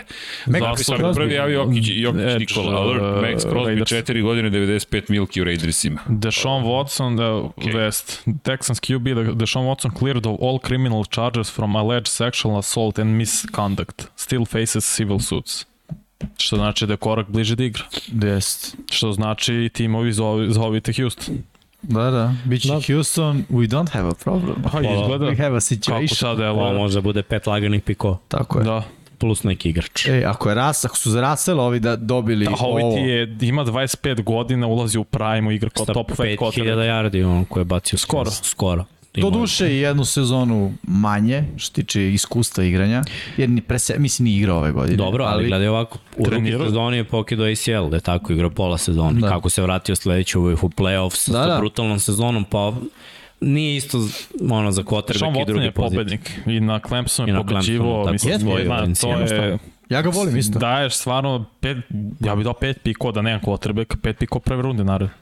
Pa pazi, neko ko već ima mlad tim koji onako je iz, izgradio je. priču, može da daje. Zašto Pittsburgh ne može da? Pa zato što Pa zašto znam? Pittsburgh ne može da da sve ostalo moraš da uložiš u ofenzivnu mogao, liniju. da. možda bi mogao. Jer sada bi uh, ugovor naredne godine Watson nije zagarantovan. Ove jeste, male su šanse da će igrati, ove možda čak i hoće, ali mu nije zagarantovan ugovor. I tebi je mnogo manje na kepu. Zašto, zašto Pittsburgh bi čekao da razvije ili čeka da ubode quarterbacka? Pittsburgh ubada na svaki 20 godina. Bena su, pa jeste, Da, da, pre mogli Bena bi ko je bio quarterback Pittsburgha? Terry. Bradshaw. Tommy Maddox je bio. Ne, mislim, ko je A, a, dobar. dobar. Da. Znaš, mnogo se čeka za quarterbacka i to ne, Jest. nisu svi Green Bay da pređeš sa Brett Farva na A Rodgersa. dobro, i Green Bay je samo vezao, znaš, vidjet ćemo posle Rodgersa. pa Kad bi upravo vezali to. tu, rekli bi onda Green Bay ali to kapano je- da... Ti si sigurno 30 godina. To je mnogo. Ni, ne može svako Rivers, ovaj Herbert. To se ne dešava. Sad ćemo vidjeti Brady ima Mac Jones, da li će biti, Da li će na biti, primjer. da. Znaš, a to ako ti možeš da, trade, da, draft, da traduješ za Watsona to, za top 10 minimalno quarterback, realno top 5, daješ posle 4-5 pikova lagano. Vidjeli ste još vesti, dakle, samo, samo stižu. Pa da. Samo stižu Čitaj, vesti. čitaj. Čitaj, ajde, nismo Sad smo ušli u da. top 3, ovo su dobro. reklame. Pa ne, ajmo, evo, vesti, apropo, dobro, Dešona. Dešon, što se tiče Dešona, post, Harris County, uh, Grand Jury je preporučilo da ne bude optužen za bilo kakav zločin. Eto. Dobro, lepo. Dakle, realno postaje odjednom vrlo, kako bih Vruća rekao, tema. otvoreno za trade i za šta god želiš, tako da djeluje mi da će ovo sad postati veoma, veoma, veoma interesantno, tako da Dobro, ljudi, stižu eto informacije, ali pazi, sad ovo baš menja mnogo stvari. Jeste. Dobro, ajmo da završimo našu listu. Da. Okej? Mesto broj 2, Aaron Rodgers. Uh, Ja sam frapiran. Tebi je bio broj 1, ajde odmah to da kažem. I samo je tebi bio broj Samo 1. je- Tako da nemoj koga da se narađuješ. Na mestu broj 2 je bio meni Jercegu, Miksi je bio broj 3. Prostom aritmetičkom sredinom, on je kotroj broj 2. Vidi, Vanja, razočaran je potpuno. Evo sad ću Neću e, ja, razočaran. gledaj, top okej. 3 quarterbacka po meni, gledao sam samo playoff jer su sezone bile ne, nerealne. I uh, taj neki subjektivni utisak kako su igrali u playoffu. Rodgers mi je igrao najslabije, Allen mi je izgrmeo u playoffu. sa. Da razumeš? I Brady mi je izgrmeo sa ovih deficit 24 što je vratio mm. i onda što je odbrana failovala plus znaš ono, ja uvek ako moram biram između Tome i, i, i Rodgersa, meni je uvek Tom bolji. Naročito bolju kad ima ovakvu, Slažem kad ima ovakvu sezonu. Ovo Gledaj, bio, ima bolju ovo godinu. ovo bio MVP kako? Imao je bolju godinu u svakom smislu. Pa, pre početak sezone, na primjer, od drafta se nije pričao da li će Brady da igra ili neće da igra. Tako je. Znači prvo je Ali bio upreko svemu, okrenut, opet je ovaj bio MVP. bio je okrenut do e, to. To nije MVP. lako inače. Da, pa kad, kad svi glasaju za tebe. Pa, baš, su, baš, baš ove godine su, mediji su imali problem s Rodgersom. I otvoreno je bilo priče, nećemo glasamo za Rodgersa. Ali ne možda ne glasaš ako ne igraš naj... Ako Ne, čovjek gledaj, Rodgers je igra vrh, ja ništa ne želim da oduzmem Naravno. Rodgersu. Uh, Rodgers kad je bilo najpotrebnije za svoju ekipu se nije Ko je pobedio pojavio. Vanja, samo da Arizonu znaš. bez hvatača. Vidi, Rodgers samo, jeste, samo da te je. podsjetim, pričamo broj 1 i 2, ne Da, pričamo ne o pričamo Rodgersu kao kao, broj- sedmi. Ne, ne, znam, nek poredim Bradija i Rodgersa Evo, koje ovako, početka na sto. sezone. ja mislim, ne, ne, ne, Ne, ja mislim ne- da bi sezona bila drugačija u play-offu. Mislim, jeste ovo glupo sada, ali ima veze jer su quarterbackovi pa ima veze s hvatačima. Po defaultu Brady bi imao Gadvina, Ludog, Antonija Brauna na rosteru koji bi bili produktivniji. Gadvin imao 1100 yardi dok se nije povredio par nedelja pre kraja. Tako. Mislim, to mu je omiljena meta. I mislim, Rodgers jeste pobedio Arizonu bez Devonte Nikoga. Adamsa, ali nije bilo to Rodgers 500 yardi pobedio Arizonu. Nije. Ali Brady je bez Gadvina Dobro, vratio 24 razlike Jest. protiv zvaničnih šampiona koji su imali četiri fumble. Jesu. Svejedno, ali Svejedno, je vratio. Ali, ali ih je vratio. I to je taj neki Brady moment. Sad ja mogu reći. Ne, ne, ne, ali samo to je neki Brady okay. moment koji Rodgers nikada nije imao i nikad neće imati. Jer yes. Rodgers moment isto, je 7 poena u finalu. I znaš isto mogu ti kažem, Arizonu, koju Arizonu? Skrnavu Arizonu? Ne, ne, ne, ne Arizonu koja je prva u konferenciji 10-1. Vidi, sve je to tačno, ali to Skrnava Arizona. Onih je načeo. Vidi, načeo bi bilo ko. Vrapcima kada dođe nedelja broj e, 10 11, oni se paralizuju. To je bio Thursday night bez hvatača. Jeste. Protiv Arizone. Koja je prva? Koji je najbolji tim koji smo mi pričali, Koja, tada kao najbolji tim. Ništa, ne želim yes, da oduzmem rožicu. Glej, u playoff. Odigraju da. vrhunsku regularnu sezonu, kao i uvek. I MVP je, šta se glasa za MVP-a? Regularna sezona je tako. tako je. Kad prestaje glasanje za MVP-a? Posle 18. nedelje, je tako. Tako je. Pazi, Ta, ta, Ako ali smijem mi dalje jednu- glasamo to- top 10 nadalje. Znaš šta? Ako smo samo jednu stvar da kažem, Rasul Douglas. Da. Jeste. Nemojmo i to zaboraviti. Ja bih E, rekao pre AJ Green koji nije gledao. Može AJ Green, koji se nije ni okrenuo. Da, da, da. A znaš šta odigrao sam vrhunsku Sa. Tom Bradyom i Rodgersom pre početka sezone. Ko ima bolji hvatački korpus? Tokom cele sezone. Ko ima bolju ofenzivnu liniju? A dobro znam, ali sve to moraš da uzmeš obzir kada ocenjuješ pa, quarterback. pa moram i zato je Rodgers bolji, još imao lošije te dve. Imao je bolju igru trčanja. Ali aj I sad ako, to je isto bilo blizu. ko je distribuirao više lopti različitim hvatačima? To govori kvalitetu hvatača ili quarterback? Quarterback. Razumeš? Ako Pa- bacaš jednom liku koji je ono, cheat kod, Mi znaš, ja da Bravo, bacam Adamsu imao bi dobar dvojicu meč. koji su top 10. Kako? Ti imaš dvojicu koji su top 10. Imaš. I daješ svima jednaku loptu. Pa i ovo je dao svima jednake da. lopte. Ali Pa- ovi nisu hvatali njegove jednake lopte. Mislim, Mislim, realno ne možeš da poriš hvatače Green Bay-a Diskusija sa... je- Ne možeš, da. Ne možeš. Ne možeš, mnogo su bolji hvatači. I taj tendovi da ne pričam. Jeste, ali diskusija je definitivno otvorena. Kao kad smo malo pri, pričali o tome zašto nam Kar nije u top 10, možemo i sada da pričamo zašto Rodgers nije top 1, to je broj 1. Može. Ali ovaj, e, definitivno, ajde već kad smo zagazili tu priču, broj 1 je Brady. Mislim, da ga otkrijemo Da. zato što se sad pravi direktan head to head među njih dvojice, jer jesu broj 2 i broj 1 nama. Brady je svima bio broj 1 osim Vanja. Da, ali gledaj, A ko imao def... nulu, izvini, na jednom meču? Imao je da, protiv Saints. Tom. Imao. Tako je, protiv istih tih Saintsa koje je u dobio. prvoj nedelji koji je ovaj isto četiri, igrao. Četiri tekme, regularne sezone, izgubio sve četiri. Šta to znači? Ne leži. Ali nije, Ne leži ti protivnik. I, Ne možeš da imaš nulu. Ne možeš, isto U tako. ovom Gledaj, isto tako, kao što si rekao, kakav online imaš i kakva dva running backa, ne možeš da imaš tri pokušaja trčanja, je tako? Dobro. Ta, sa tri tight enda, znači nije, mislim, gledaj, sve uzimam u obzir, Dobro. to je bila loša partija, ali nije bila njegova, on je doveden u situaciju da ono trener je rekao, Burazeru, a probamo prvi za 10, drugi za 10, treći za 10 protiv ove odbrane Saintsa. Vidi, Nije realno. Brady je otišao dalje u celoj sezoni Ko ima od slabiju diviziju? U čemu dalje? Kako u čemu? Došli do su finala? Ne, obojica su gubili diviziju runde. A da, da, da, da. Bože. Ne, ne, ne, da, ali na koji način? Dobro, imao je... Ko ima, ko ima slabiju diviziju? Ako smem da dodam, Brady je imao pobedu više u play-offu.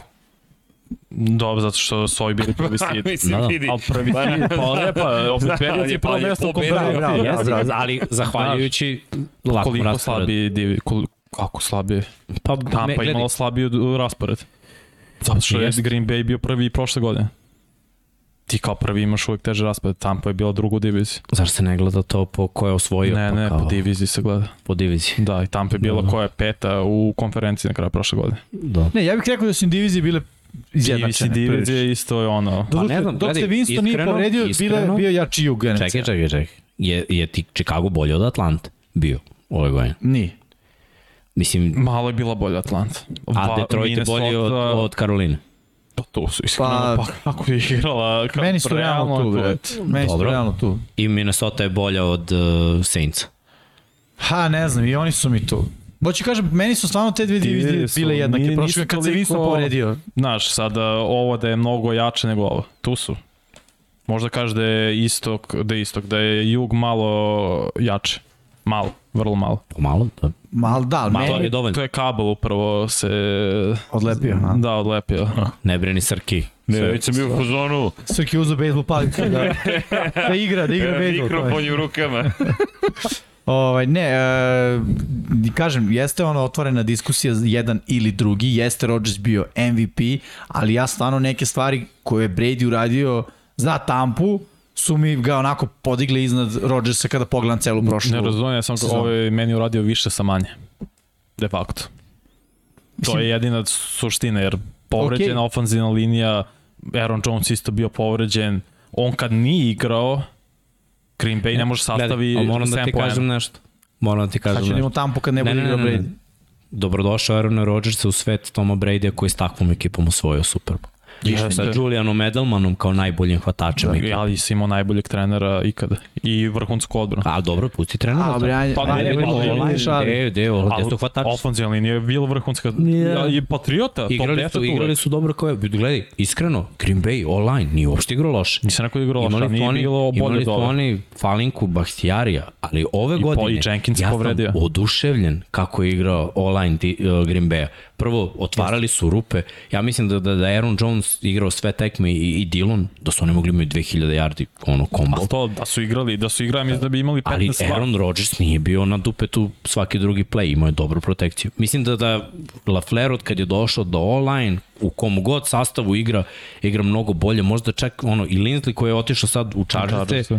Mi je igrao nešto bolje u Green Bayu nego u Chargersima, možda zbog coaching staffa, zbog sistema kako ide. Ne mogu da kažem online je štetila toliko Rodgers. Ne kažem da je Nije. štetilo, ne, ne, samo da je online Tampe bolje. Tampe, da, na, na, na papiru, mada imali su oni svoje failove, ali na papiru jesu bolji. Hvatački korpus ne, neuporediv, tu, tu Bukvalno. dajem priznanje, to je to. S tim što je Tom na kraju tog hvatačkog korpusa imao Evans. Mislim, Da. Da, I baš u tom trenutku kad imamo samo Evansa i kad je ono bilo bezizlazno, video sam neki život Jest. od Buccaneersa. I, I ono opet cela ta situacija, večito s Rodgersom. Meni uvek to, ja, da Rodgers nema takav, takvu ličnost kakvu ima.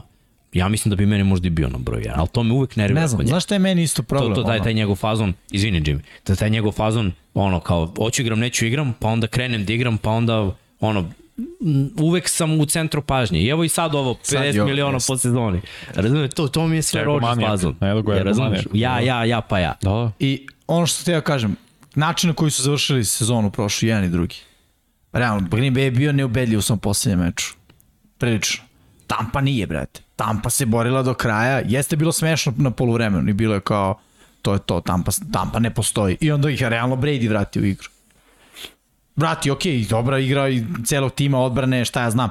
Ali de facto način na koji se ono završio sezonu, bolji mi je nekako utisak na kraju ostavio Brady i zbog, ono, meni je zbog toga i svih nekih ono, drugih stvari on ipak broj 1. Ali da je za dlaku, jeste za dlaku. Jeste.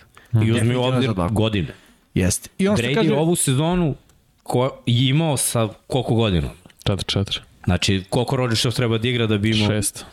Ja mislim da je ovo nerealno što je uradio. 5000 yardi ovako da vodiš ekipu nakon sub... Znači, ja mislim Slažem da, je bilo ono... To je još jedna stavka koju ono ne zaboravljam, jer gura mlađu generaciju koliko god mogu znaš, ono, u mojoj, mojoj glavi mlađa generacija budućnosti, oni su nekako kompletni.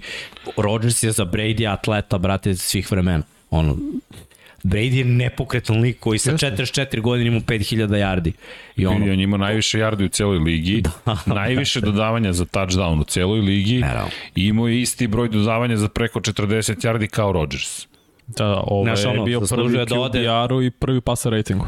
Što je uvek, od kad igra. Mislim, od kad igra na ovom nivou. On je uvek, ono, kad gledaš procenat kompletiranog dodavanja, on je tu. Ne, kopl, ne, I, i, passer i rating QBR. To, to je, Znaš, za to je Rodgers tata. Mislim, ono, to je njegova I- statistika. On, kao što je Drew Brees. To je Drew Breesova statistika. I šta Drew Brees ima? Rekorde i jedan Super Bowl. Isto koji Rodgers. I uvek će biti neka priča, hm, playoff. Tu mi je ono, kao neki choke moment. Taj choke moment ima i Rodgers. da, da, ima. Ja ne volim što ga imam, ja bih volao da imam više Super Bowlova i sve Ljudi, to. da je neko drugi odigrao poput Brady-a, on bi bio u priči za MVP-a. lagano. Pa Ali pošto je to. Tom Brady, pa ne, ali posle, Jedino je on, vidi, Brady je dobio priči- od 50-16 glasova. Pa, Rodgers da, ali ostalih. koliko se, gde se pričalo o Brady-u mnogo Jeste. kao MVP. Da. Po ja nisam čuo, vi Nije, pričalo nije, Rodgersom jeste. od početka sezone. Vidi, Pa, uf, nije. Znaš šta Srđan hoće da kaže? Te brojke pripiši bilo kom drugom quarterbacku. To. To je na sva usta, znači to bi bilo 50 glasova, 26, 24 za jednog. Pa to ti je sindrom velikih igrača. Tako. Lebron je uvek kandidat da bude MVP. Je. Mislim, priča se o tome, ali uvek je ono, sad mlađi igrači, ovo ono, on Burazer uvek igra Dobro. među najboljim igračima na svetu, mislim, da se lažem.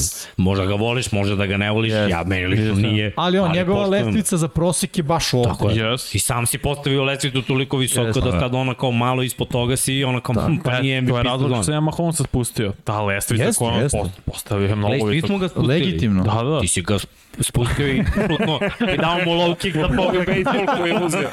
Pošlo je bejsbol koji Pozadi, da, neko, ajde. Dole. I slomio mu motku za toga. Mi smo samo spustili lesticu za ono, par metara. Ali dobro, mislim, zanimljivo. Svakako vrh je ovo. Mislim, ja obožavam. Da, da, jeste, jeste. Znao sam da treba da sedne za sto. Znao sam. Vidi Ništa, e, rođendanac ne može da veruje da, da Rodgers je to je drugi frapiram, plat. eto. Pa dobro, možda Gledaj, Brady otišao u penziju, mi ga odvodimo u Pa penziju. mora kao da ide najbolje kao prvi, quarterback. daj da se ne lažemo. I Big. Ben otišao u penziju, meni je bio zadnji.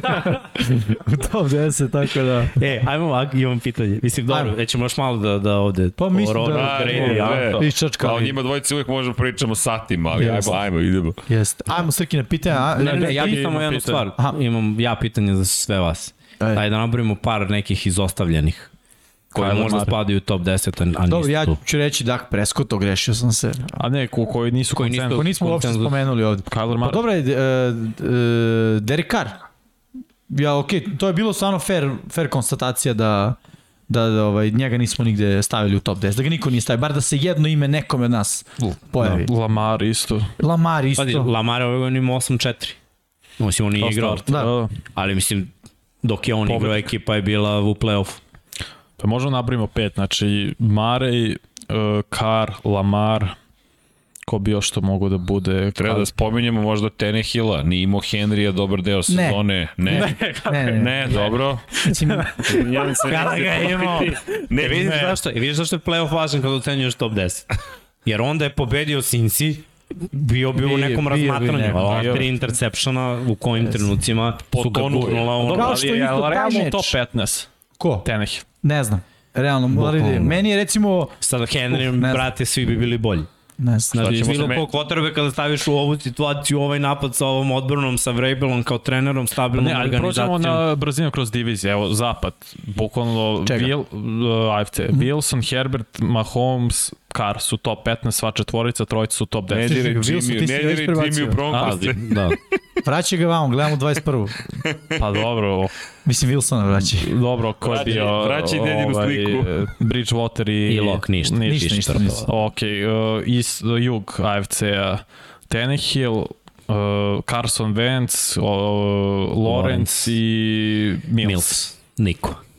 Top 15. Da kažem Tenehill granica. Na granici, ajde. Traži vizu. Sever, Mahomes, uh, pardon, Mahomes, Mayfield, Pa nije top, top 15. 20. Uh, Lamar jeste, sigurno, Top 15. sigurno. Barrow je top 5, top 6 i ko je Ben Pa ovo je u penziji, ali ajde da kažemo da je ove godine bi Mogao da bude u top top 15. 15, 16, ajde da kažemo, gornja Ok, polovina. Pa da, 32. uh, idemo istok. Allen top 3. Mac Jones, Pa mor, tu je, tu je, 5 oko 16, pa oko, oko od 20 do 15. Da, nešto, realno, Tu, realno. Uh, tu je Sever Ništa. od 20 i Zach Wilson rookie ne mogu Ništa. to isto. Uh, NFC istok. Biće. Dak Prescott je top 10. Stavili smo, da. Jalen Hurts. Oko sredine. Ono, 20 do možda- 15. 20 do 15, realno. Onda mm, Heineke, Ništa. Sever. Ispod 20. Uh, ko je još? Danny Dimes ništa. Danny Dimes ništa. 32. ispod 20, 32. I da ima, gledaj, i da ima nagradu za top 15 ispala. bi. Da, da. Jug, NFC, Tom, top 1.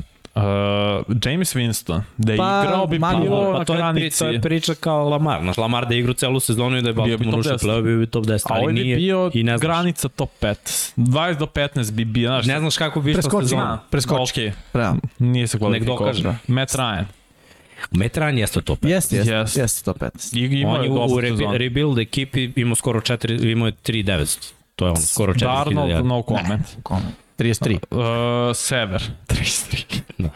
Rodgers top 2, Cousins top 10, uh, zatim Goff. imamo Goff, Pa tu je, to 20 to do do 15. 20, realno. nešto. Ma Goff je meni dole. Dobro, Pa dobro. ajde kažemo oko 20. Fields, rookie. Ništa Ne mogu, posebno. da. On isto. bar ima plafon Goff. Nema, i to je taš. plafon. Uh, To je to. Zapad, Marej, Dobro, 15 rekli smo, do tu je, 10. tu je, top 15. bi bio, uh. Jimmy G, 20 do 15. Uh, neko, je, sp- neko se sprema da da ono, pola kuće za njega, a mi ga stavljamo Jimmy G nije taj nivo. Ni meni nije. nije, top 15. Znači, Meni A znaš koja stvar, znači mislim, oko mislim da bi 20. ti ponestalo imeno jednom trenutku i mora bi da ga Pa stavio. dobro. da, znaš, Ja ne bi ga stavio. Znaš, Pa na znaš ko je to 18 nivo? Da. Znaš ko je to nivo? To ti je Vance, Mayfield, Garoppolo. Bolji od, bolji najbolji od trojice. od- Ovih je bolji. Da, znam. najbolji od Tenehill. trojice, ali slažem se da bi mogao da postoji ta Pa neka on je. Tenehill, Tenehill. on je Tenehill, brate, bukvalno. Jimmy, samo, gledaj, uspešniji Tenehill, mnogo. Jest. zvučniji Teneh. Ne, ne, ne. Lepši. Te- te- Tenehill, Ok, Tenehill koji ne baci tri interseptiona nego dva. Vidim, mi sad ti i ja smo se otkrili sad i Vanja, tako da sve u redu. Ali stvarno su tu. I obojica znaju da ti ono kao daju loptu u ruke defanzivcu. brate. Ras top 10, Stafford top, Top 10. 10, da. Znaš. No. Dobro, okej, da. E, a znaš što sam ja hteo da samo zapažanje jedno vrlo interesantno. Pričamo o tome kako je AFC bolja konferencija.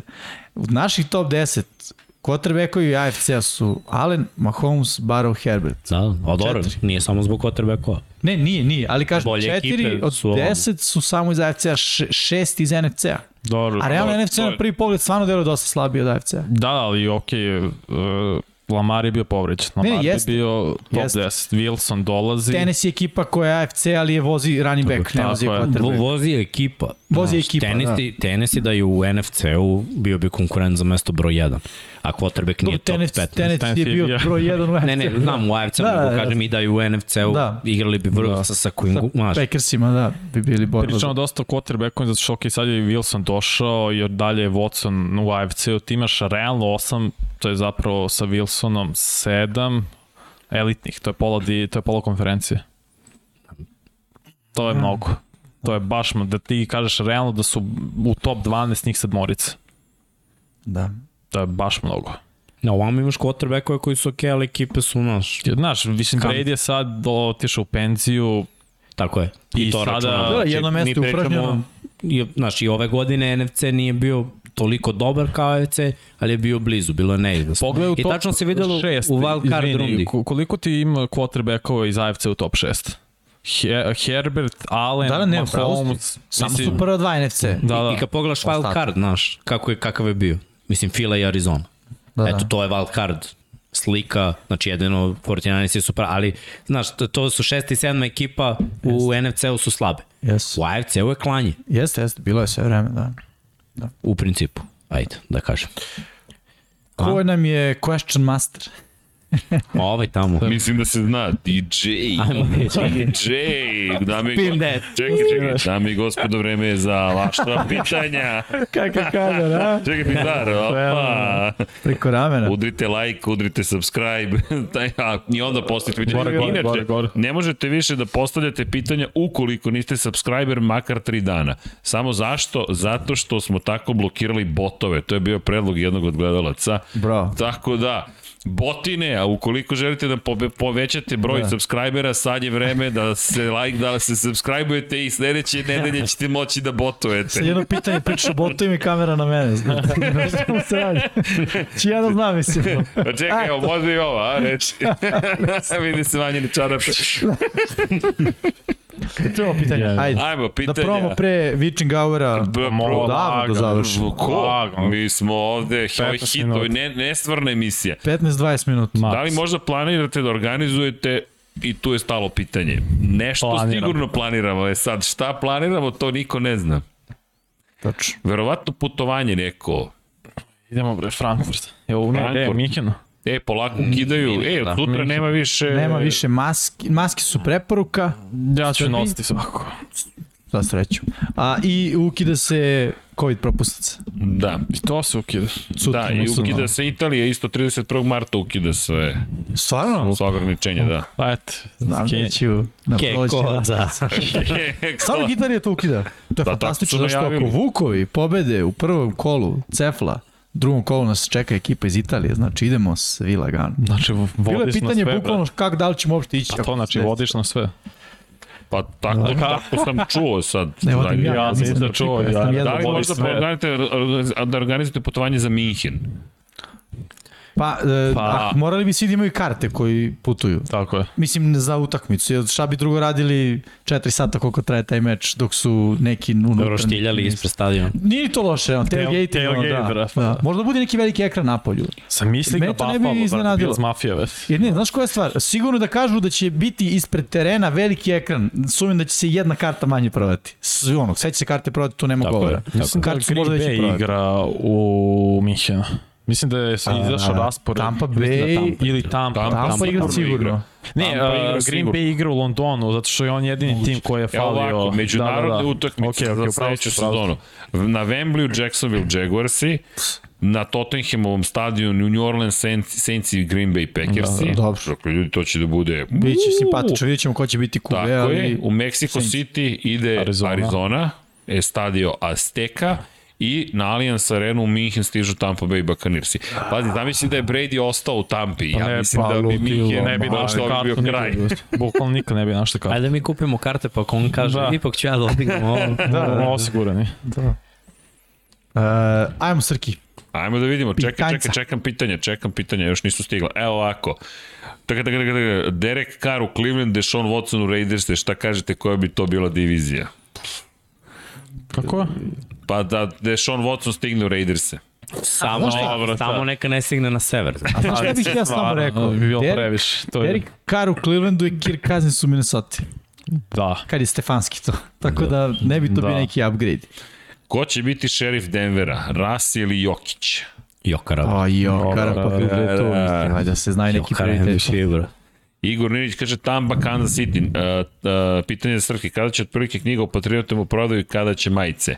E, za majice to ćemo uskoro da završimo najzad, a Patriote to obećavam, ne mogu više da postignem, ne znam više šta se zbiva, ali Patriote to tek krećemo u prevod. Dakle, Patriote očekujte za nekoliko meseci najmanje, da. Zato što je vrlo zahtevna knjiga, je ogromna, ima 750 prevodilačkih strana i ogroman posao u pitanju. Prvo da nađete osobu koja dovoljno stručna da prevede, drugo da je elokventna i književni nadarena, književno nadarena da može da to napiše lepo, jer to nije samo klasično prevođenje i potom mora da se uradi redakcija svega toga, ne jednom, već dva, tri puta. Mora da se da celoj ekipi ovde da pročita i to opet 750 strana i tako dalje.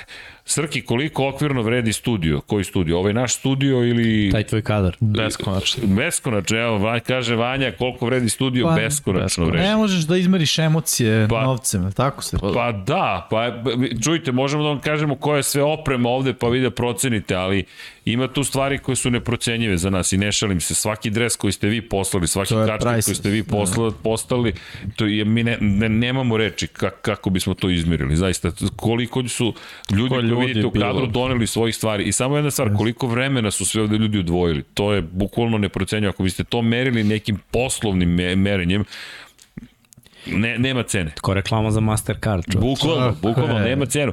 Ali zaista, koliko vredi? Nama beskonačno, a ako biste procenjivali koliko novca uloženo, nemam pojma. B- 100 Dosta. miliona dolara. Pa, nije, pa ne, da, hvala vam. Pa nije. Uloženo je, uloženo je, ne znam kolika je investicija. Pa jedan džip otprilike je uloženo ovde. Rekoh, neću kupim džip. Da. Ne treba mi džip, ali studio, da vozimo mi studio, to smo uložili. A, oprema, ako neko želi da počne nešto slično, ne treba vam ovoliko opreme da počnete nešto slično. Krenite, ako se setite i ova ovde ekipa koja sedi je sedela u kancelariji Style. firme i stajala pred iPhone-om otprilike. Pa, mislim, mm. sećate kad ste Sedela na tribini s bubicom. da sedela na tribini s bubicama, bukvalno i snimala se sa web kamerom od 645 Uz zvuk kulera. i zvuk, uz zvuk kulera, da. A inače, Sitnog novca koji da, pada iz automata za koristimo cuka. Sony kamere, imate MXL mikrofone, audio interfejs je Antelope, Discrete osmica i tako. Skupi se tu, ali krenite, Joksim, evo samo kratko da, da preporuka, najvažnija stvar vam je da budete redovni u čime god, čime god da krenete. Što se tiče rasvete, ako pogledate naše prve snimke, bila je lošija, pa se na tome radilo, ali zvuk vam je broj 1. Ako možete da sredite mm. zvuk i naša preporuka je dobar audio interfejs, evo ako mogu da preporučim, Claret uzmite, da li ćete Scarlett ili ćete da uzmete, ne znam, ajde da vidimo šta možemo da, da vam prepo Da, ja Focusrite, mogu da kažem primjer. kogod se bavi bilo Evo. kakvim snimanjem, ja preporučujem Scar Scarlett imam i, i kod kuće i odličan je za, za bilo kakav vid To snimanja. to. Ja sve što snimam za sport klub snimam kući. Pa da. Na mikrofon be, bez ikakvu lude da, sobe ili, ili šta i pošaljem audio snimak savršen. Dinamiku uzmite za, za, ako nemate dobro tretiranu zvučnu sobu, dinamika neće kupiti na veću daljinu, to je taj proximity moment. Ja kako se pomerim, već slabije ćete me čuti i to vam pomaže da ne morate da imate gluvu sobu, što kaže Mix. To su- imam, imam brana hvata samo spreda, nema Tako ono je, tako je. pozadi. Mhm. Mm Da, dakle, to su dalje kardioid, super kardioid, hiperkardioid, da li omni, directional, ali eto, to vam je naša preporuka. Uzmite XLR kablove, lepo, fino i zaboravite wireless. Eto, tako da Joksime, napravit ćemo mi malu emisiju o tome šta smo mi sve radili da pomognemo ljudima koji to hoće pokrenuti. Da, da li znate kako najlakše doći do karata, Vuk Cvetković? Još uvek ne znamo, ali ćemo se potruditi da saznamo. Nisu još u prodaju. Ja mislim da, da nisu, evo, Mislim taj da proverim još izađe jednom. Znam se niko igra, ne E, da prodaju. pa. Evo znam jedno pitanje sa Twittera. Čovjek nas je pitao da objasnimo da. Cap space, konkretno Carsona Venca i dead cap space. O tome smo Carsona pričali. Venca. A Carsona Venca baš. Da, pošto je bila baš Pa- priča nešto o njemu, to ušto kad je bio u kolcima. Sad je već tradovan, Ali to je pravilo koje je opšte, nije, nema da, veze dead za... space i, i space. Eto, Srki, znam Pa da, to je tome tema smo koju- pričali. Vi kada odete u drugu ekipu, vi, o, ekipa s kojom je potpisan u, ugovor za garantovani novac, ta, on mora da ostane na kepu zapravo ekipa u kojoj ste bili. I to se zove taj dead money u suštini, jer ti to moraš, da ti, ti si taj kep već žrtvovao u napred, a ne možeš da ga koristiš. Zato, zato je to dead money. I, i u suštini od toga zavisi, bonusi se zato strukturiraju, jer bonuse nisi dužan da isplatiš, ali ovo jesi. To je ukratko, a inače evo, samo da vidim šta kaže NFL za tickets, mislim da sam nešto našao. Ovako, register your interest now. Evo, poslaćemo vam link da se registrujete. Dakle, ukoliko ste zainteresovani za kupovinu, možete da, evo ga, evo ga, pinujemo sad poruku, pa ko pogleda chat može sada da vidi link ka zapravo ka prodajnom, zvaničnom prodajnom mestu, ovde vas vodi NFL-ov zvanični website. To je tako, tako zvana Minhen, utakmica u Minhenu, pa eto, ukoliko vas to zanima, prijavite se. Mi ćemo se svakako prijaviti. Uh, samo da vidimo, uh, da li znate kako, na, uh, koliko hvatača bi New England mogao da pokupi? Alan Obes. Jedino. Od, od svih hvatača da. koji su ostali, mislim, eventualno ako Dallas katao Marija Cooper. Mm, to bi bilo idealno. To, to su dve opcije. To su ono, prototipi prvog hvatača i to je nešto što New Englandu treba, neko ko pravi separaciju, jer imaju dva tight enda, Borne i Agolora, tako da ono, da se se okruži. Mislim da čak i postoje priče da će Agolora da katuje. Što je opet cap, ako ćeš već da juriš broj jednog hvatača sada, a mislim da će čak i da draftuje ja iskreno. Ja sam čak pročitao da žele da traduju na Kila Herija. Da, da, to je, to je meni izvast. Da. Samo, znaš... Ništa nije pokazano, mislim. Da, šta možeš da dobiješ, oni Nikila Herija, ja, na šta bi dao za Nikila Herija? Šestu rundu. Da, da. Ne bi petu rundu, Eto. dao bi im šestu rundu, bukvalno. Da. Šta je dečko radio? Pik prve runde imao ne, neka hvatanja, neki yard, ništa. Znaš kome oni mogu da ga uvaljaju? Cleveland. Na neku priču je velike. Bravo. Pa, dajte neki treći, četvrti Ima pik. pitanje, izvinjam se Marko, ali to je komu više šalo. Možemo nekako Steelers da premestimo u NFC. Teško. Teško. Kreće tamni period. Da, da, da. Dobro, Miksa, vidjet ćemo. Ako ovo, dođe Dešon... Ovo je neka prozivka, Big Ben. Miksa, šta misliš o Galupu? Ostaje li ili ide? Hoću da čujem to 15. put u zadnje tri nedelje. Nešto, nešto ja mislim da ostaje Galup. Da. da. Emil, Ima mi smisla, znaš. Da, da. Prescott ga voli, on je prototip fizički hvatača broj 1 i nekako mi on i Lamb deluju kao budu, znaš, a Mari Cooper je već malo ispušena muštikla, godinama je u NFL-u, a ovaj momak je mlad i Lamb je klinac i onda Šulca su tegovali, on je klinac, ima smisla. E, pitanje je šta očekujemo od Chiefsa, Emin Šubašić. Da li je ovo poslednja prilika zbog ugovora Mahomesa? Ne, Mahomesa ugovor je generalno cap friendly, team friendly sve, sve godine su bukvalno tako napravljene da će on kroz bonuse dobijati što će ispuniti s lakoćem i ne idu direktno na cap. Holmesom ugovor je toliko dobar i za njega i za tim da to nevrovatno. Zato je napravljen taj ugovor na 10 godina, ali nije okej okay niti je pametno bilo kome dati 10 da. godina. Baš mora da se da, da. da eksplodira u prve dve, tri na ovaj način da bi mu dao takav ugovor. Da znaš, ono, je, ovo je projekat, dugoročni projekat i ovo je neko ko, ko može. Ko može, ovo je pitanje, ko, mo, koji quarterback može da dobije ugovor od 10 godina pored Mahomesa? Ko, pa kome ne, vi dali? Plašim se za svakog, za zdravlje. Znaš, mislim, evo i Mahomes, mislim, Mahomes je onaj idealni spoj atleta, ali nije preveliki atleta. Da. Znaš, ono, nije previše uveren u sebe pa da trči da to zlopotrebljava. Tako igrao je bejsbol, zna da ukliza, to mu je mnogo dobro, jer quarterback koji to ne zna može ono da slučajno padne ili tako nešto. Ono što ti voliš background, njegov no. otac je igrao profesionalno bejsbol. Dolaze iz sportske porodice. I po meni ko su, izvini, kandidati, to su Allen i Barrett. A, a sa Allena postoji za Alena postoji velika verovatno, naš visoki quarterbacku i to je opet, danas quarterback 6-3 je idealan, 6-5, 6-6 u noge, mm. pad, mm. naš, može da se povredi, ono, 6-2, 6-3, idealno visok, ako još je pokretljiv i ima ruku to je dobro. Barao ne bi zato što ima te povrede. Ne, samo kažem po meni ko bi eventualno da. mogao. Herbert mi je onako visok, neka mi deluje ono kao jedan start, mislim dobro, ne ide futbol u tom smeru, ali da. jedan start od godinu dana pauze mi deluje. Mislim, nije ima, jedini opet, ima ono, to da. ima ih Evo, još. Pitanjaca, da, dakle, koju poziciju rangirate sledeće nedelje? To će biti Ćemo jedno Kaže, ili RB. dve. RB, Kač. running backovi. Jedno ili dve pozicije. Jedno. Ma jadno, što? Jedan, da. Spre, spremili smo već Running ono Dugi trkače, da. off-season. da. Može Trkači su sledeće nedelje, da. E, to je Možda to. ja to ja spomenuo, mislim, kombajn je bio prošle nedelje i Ima pitanje stvarno, da ko je Ima, oduševio. ima baš ko je oduševio na kom. Jordan Davis, Da, čovjek koji ima 150 kila, 2 metra skoro visok da trči ispod 4,8, 40, 40 yardi, ono je... Ludilo, ludilo. Ne, ono, ne, ne, Meni je on ne, najveći, nesmatljivo, bre, najveći bukvalno ime na nesmatljivo. draftu.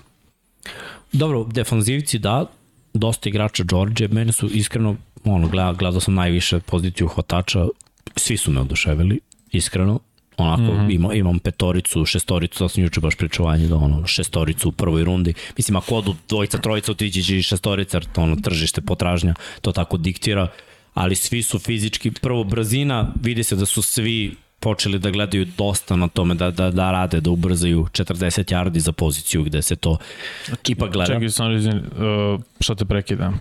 Kombajn ne treba, i to dosta i skauti greše, ne treba kombajn da vam bude primarno merilo. Kombajn samo treba bude potvrda tejpa. Ona koji je brz, pardon, u utakmici, a trči 4-5, to je nevažno. On je na terenu brz. Te, tejp je, je, pa ima, zato što se spremaju da trče 40 yardi. John Ross, koja bori rekord, imao 4-2-2. Pik prve runde zbog toga, zbog Sam, kombajna. samo zbog Besmisleno. toga. Na I ništa Washington, nikad ništa nije bio. Na Washington je pokazao kao fleševe, ali bio često povređen. I šta je u NFL-u? Besmisleno. Isto to. Tako je. To ti kaže, znači snimak je mnogo vredniji Tape, od najvažnije. jednog dana. Da. Kombajn je samo potvrda tejpa. Jordan Jeste. Davis je dominirao na utakmicama, ok, dođe Da. na kombajnu i izdominira, kao ok, to je to. Ma ne, ja mislim da je Samo. kombajn napravljen samo ono kao, jer, jer im se može, da popune prostor, Dobro, da pumpanje malo dešava. marketing, što da ne. marketing. Toga ništa mora da ima, mislim. To u svakom sportu profesionalnom toga ima. Jest. To ti isto kao naš, u svak, bukvalno u svakom sportu uzmeš futbol, pre nego što neki igrač ode u neku jaču ligu, u neki jači tim gde igra. Bukvalno igra sa nekim ono, seljanima i izdominira Ja da 10 golova i kao, evo ti, brate, milijarda. Ja sam mislio što to porediš sa onim kada do, obuče prvi put dres i dođe na teren i onda počne da žonglira. Znaš. Da, kao, to je to. Vidiš toga da smo ga doveli, kao to to, to je puta, to. zato smo ga doveli. Taj je dobar. Jeste, mi Te to... slobodnjaki na prazan gol. Meni, koliko god je zabavno gledati 40 yard dash, ali za hvatača mi nema poentu, jer Justin Jefferson je trčao 4-5 i nešto. Ok, Brown je samo- trčao 4-7, 4-8, super, bio najbolji hvatač 5-6 godina. Dobro, i Devonte 4-6. Meni Pa samo simulcam tu zanimljiv, ništa drugo. Ne, volim da gledam, volim da gledam ulazak u rute, izlazak iz ruta. To je drugo, Znaš, to- to, to to- su neke stvari i ono, lakoću, najgluplji drill ikada. Gde sad, pazi sad quarterbackovi kada ono trčiš po liniji i okrećeš se levo desno, Da, da, da, hvataš da. širinu terena, nekada su quarterbackovi uvaljivali koski.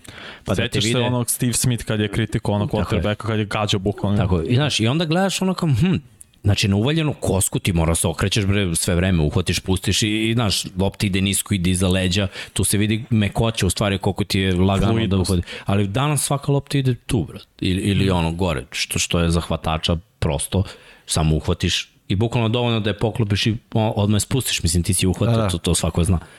I onda se, ali opet vidiš ko je malo drveniji, mm -hmm. znaš, a ko je baš mekan. I, i tu se ono, tu su me malo iznenadili o, ova klasa čitave godine, jer, jer su generalno mekaniji nego što sam mislio. Mislim, ima, ima dobrih igrača stvarno ove godine draft, ja mislim da, da će naprediti mnogi timove.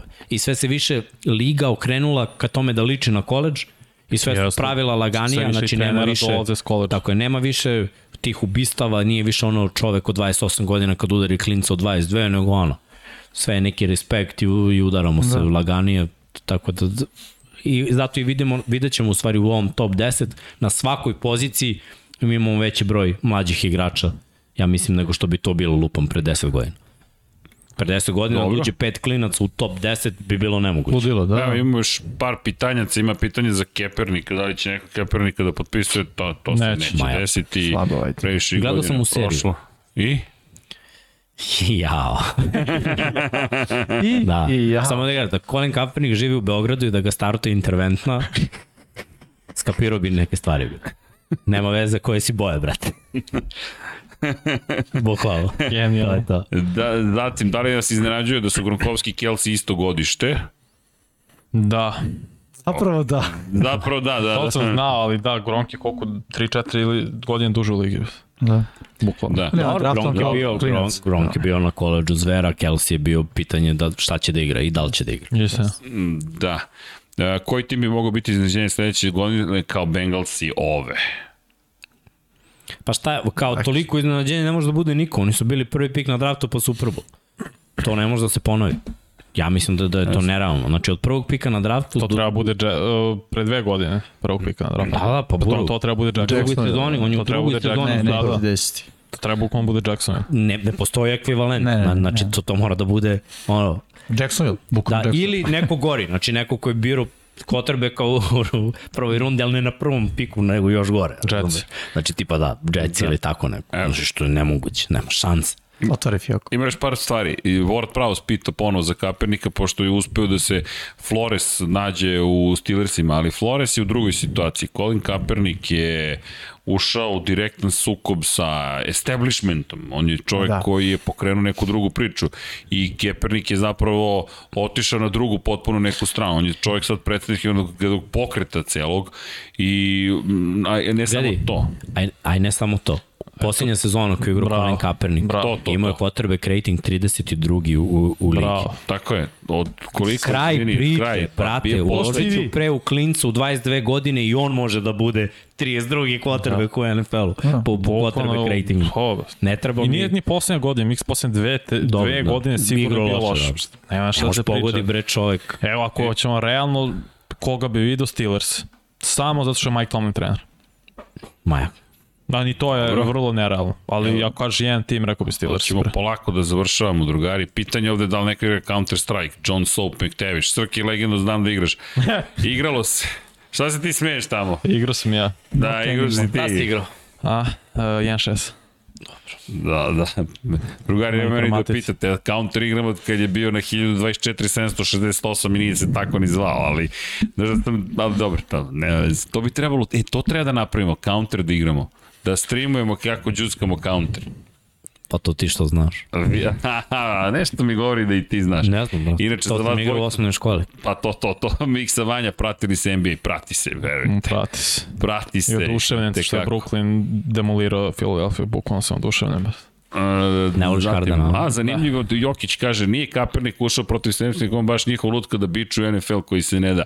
Pa to je duga priča, ali Colin je svakako pokrenuo mnogo toga, tako da bit će zanimljivo, zanimljivo pratiti njegov budući put van NFL-a, realno. Da, a Bojan je samo konstatuje Watson oslobođen, sad javio Šefter, da, da, to smo već preneli, pa ćemo da vidimo. I evo još jedno pitanjce za Miksu, šta očekuješ od Ravensa u free agency-u? Počnite da plačete. Šalim se. Jer Ovo je ovako. poruka Big Ben. Ne, ne, ne, ovako. Pozicija mnogo fali, ovo su ovaj, ne, prvo moguće Jensen da se vrati u Baltimore jer slobodan To. centar. To je broj 1. Uh, broj 2, Bobby Wagner na poziciji middle linebackera bi pao onako savršeno, razumeš, posle sa Dallas jedan se Bobby Wagner. kao Pusti top. ti Dallas, da. znači nemoj, ljubičasto bolje stoji, ptice, razumeš. Seahawk, Raven, sve to nekako ide, plus contender, plus dobije pare, razumeš, sve to u redu, Quandre Diggs što da ne dođe ti ili Williams, treba nam pola safety, mislim. nije problem, nije problem, treba nam dobar safety, dobar safety, dobar linebacker, all-line i onda edge rusher, mislim ono znam da Von Miller voli i ovamo, šalim se, ne, treba nam neki, neki do, dobar mladi perspektivni ili na draftu da, da, da se gađa neko, možda Justin Houston da se potpiše opet, ali Baltimore ima rupa koliko hoćeš i ovo je ono posljednja šansa da, da, da se sve to skrpi pre nego što nas Lamar ojadi za 40 milki. I ko će dodjevi emisiju? Ti, Ja ću dođem kadra da- ikad. odavde. Da, da. Ja, je, ali znaš šta mogu da uradim? Pazi sad ovo, o- odavde dođem emisiju. Znači, kada, šta šta? Sliku u slici je to. Pa i vidi, imamo... Uh, To ne može. Dobro, je. Jedan Lajkujte, YouTube ljudi. subscribe A dobro ti da udarite kadar i na sebe sa time. kako i da čitam Patreone. Pa evo, I jao, pazi, Patreone mogu da čitam odavde zapravo i da se vidi dok Da. čitam. Je to taj moment? pa da. U- Ajde. Aha, ajde. Pa možda će... Evo da iskoristim posljednji trenutak ovog kada. Čekaj, čekaj. Čekajte sad. Ajmo, imamo dosta Ajmo, toga. Bobi, ajmo, Bobi. Ajmo, Bobi. Ajmo ovako. Dakle, da se zahvalimo ljudima koji su se joinovali. To sad mo, čitamo s ekrana. Dakle, Voća Pero, Marko Stojković, Bakadu, Bojan Gitarić, Ivan Magdanović, Ivan Vujasinović, Resničanin, Mladen Mladenović, Emir Dugić, Tatjana Lemajić, Serbia Hair Fair, ovo je zbog mene, Veselin Vukićević, Stojan Sabo, Mladen Dukić, Marko Bogovac, Branislav Dević, Vukašin Vučenović, Almedin Ahmetović, Nemanja Labović, Aleksandar Kockar, Miloš Zed, LFC, Nikola Kojić, Nemanja Miloradović, Zvonimir Papić, Ivan Božanić, Marina, Vlada Ivanović, Oliver Nikolić, Andrija Todorović, Jelena Jeremić, Halabi Jau, Aleksandar Nikolić, jedna anonimna osoba, Petar Bijelić, Mirodor Reljić, Nemanja, Maj, Nemanja, Bojan Markov, Danilo Petrović i Nenad Simić. A vi se vidite tu u cijeloj, u cijeloj priči. To, to, to. Da li E, možeš dok čitaš da uhvatiš pas? Da li mogu, nemoj, nemoj Nemoj, te, samo molim, nemoj, nemoj, to je na 10.000. Saznalo bi se koliko košta studio. Nemojte. Saznaćemo svi zajedno.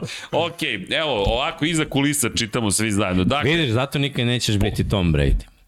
I sigurno je njemu neko rekao, baci, ej, ajde. Ne, Ajde, ne, nemojte, Baci, molim. baci, Ne, baci, ne, evo, evo, kamera 10.000. ko je rekao beše, ne tata, je to bilo? Da, Ajmo. ovde, Ti si kotrbek, ajmo. Moraš da čitaš i Sigurno je ručice. pa ne, možeš Opa! Sve u kamericu još. Za malo da zažmuri. Niste pročito ime. Dok se Rekao? hvata. Nisam pročitao ime dok sam... Aha, moram To da... je rekao. Ne. Ne, ne, ne. Vanja. Bi- Hvatanje je bilo važno. Vanja, hva, uhvaćena lopta, tako Ajde. da smo okej. Okay. Ali odličan potis, hvala. To, to vam je quarterback, molim vas. Kako malo Mora da- lopta izgleda, zapravo kada pogleda. Da. Bolest. Pa jedna stopica, Pa da. jedan futik. Elem, dakle, dok smo ovde, da se zahvalimo pokroviteljima, idite na patreon.com kroz Infinity Lighthouse. E, ovi kadrovi su strava. Sad ovo što smo se liberalizovali, moramo da menjamo kadrove na sve strane da razmestimo kamere i da se, e, da očistimo ceo studiju da se dobacujemo. I četiri mikrofona u četiri ćoška. A? Ajde, vidjet ću. Ajde kući. Da. dakle, hvala, Slava, Toni Ruščić, Mario Vidović, Ivan Toškov, Stefan Dulić, Marko Bogovac, Ozren Prpić, Marko Mostarac, Nikola Grujičić, Aleksa Vučaj, Zoltan Mezej, Zoran Šalamun, Miloš Banduka, Laslo Boroš, Đorđe Radović, Ivan Simeunović, Mihajlo Krgović, Nenad Ivić, Nikola Božinović, Monika Erceg, Omer Kovačić, Filip Banovački, Miroslav Vučinić, Predrag Simić, Žorž, Stefan Vidić, Mlađan Antić, Jelena Mak, Mladen Krstić, Marko Ćurčić, Milan Nešković, Ivan Maksimović, Bojan Mijatović, Petar Relić, Stefan Prijović, Nenad Simić, zatim Luka Savić, Andrej Božo, Boris Gvozden, Boris Golubar, Zorana Vidić, Luka Manitašević, Ljubo Đurović, Borko Božunić, Đorđe Andrić, Aleksandar Gošić, Mirjana Živković, Nemanja Miloradović, Miloš Vuletić, Vukašin Vučenović, Ognjo Marinković, Miroslav Cvetić, Marina Mihajlović, Veselin Vukićević, Jelena Jeremić, Antonio Novak, Stefan Milošević, Nikola Stojanović, Jesenko Stamarđić, Mihovil Stamičar, Stefan Nedeljković, Zoran Majdov, Josip Kočić, Dejan Vujović, Aleksandar Antonović, Stefan Ličina, Tijena Vidanović, Boris Kujundžić, da žena ne sazna, Nemanja Jeremić, Benjamin A, Lazar Pejović, Nemanja Zagorac, Đole Bronkos, Aleksa Jelić, Aca Vizla, Igor Vučković, Milan Ristić, Branko Bisački, Neda Đorđević, Vukašin Jekić, 13 tajnih pokrovitelja, Aleksandar M, Žarko Milić, Dejan Đokić, Bojan Marko, Vertan Prelić, Igor Gašparić, Alen Stojčić, Depressed, Cody Garbrandt fan, Strahinjak Blagović, Aleksandar Jurić, Vladimir Filipović, Branislav Marković, Vanja Radulović, Đorđe Đukić, Miloš Todorov, Žarko Milić, Ivan Ciger, Katarina, Boris Herceg, Jovan Đodan, Pavle Njemec, Vladimir Petković, Dušan Rici, Stevan Stanković, Emir Mesić i Andrej Bicok, Mladen Mladenović, Dimitrij Mešić, Bahter Abdurmanov, Andrija Branković, Nebojša Živanović, Jugoslav Krasnić, Nenad Pantelić, Vlada Ivanović, Stefan Janković i Aleksandar Banovac, jao. I sada vidite šta radimo iza kulisa, dakle, gde je ovde špica? Ili idemo na špicu, Vanja? Pa da. Ba da. Špica, pa onda scena 2. I jao, i sad idemo jedno transition, to će biti Q. Fade. Na fade. Na fade. Na fade. A zašto je lepše? A, fade. Pa ne, ne, izabran ti već fade. Nije, bio je cut. Ne, ne, imaš ispod kata fade. A imam ispod cut, ali to je duži fade, Pa 1200. naravno, pa lepše. Pa, Lepše je 1200. Ako Vanja ti ka... Čekaj, da se vratim. To šta? šta je, ponadali ste se da je gotovo? Pa nije gotovo, drugari. Udrite like, udrite subscribe, join, idite na Patreon, podržite ovu ludu tamo ekipu i naravno ćemo zajedno na 1, 2, 3, 4 i 1, 2, 3, 4. Ćao svima!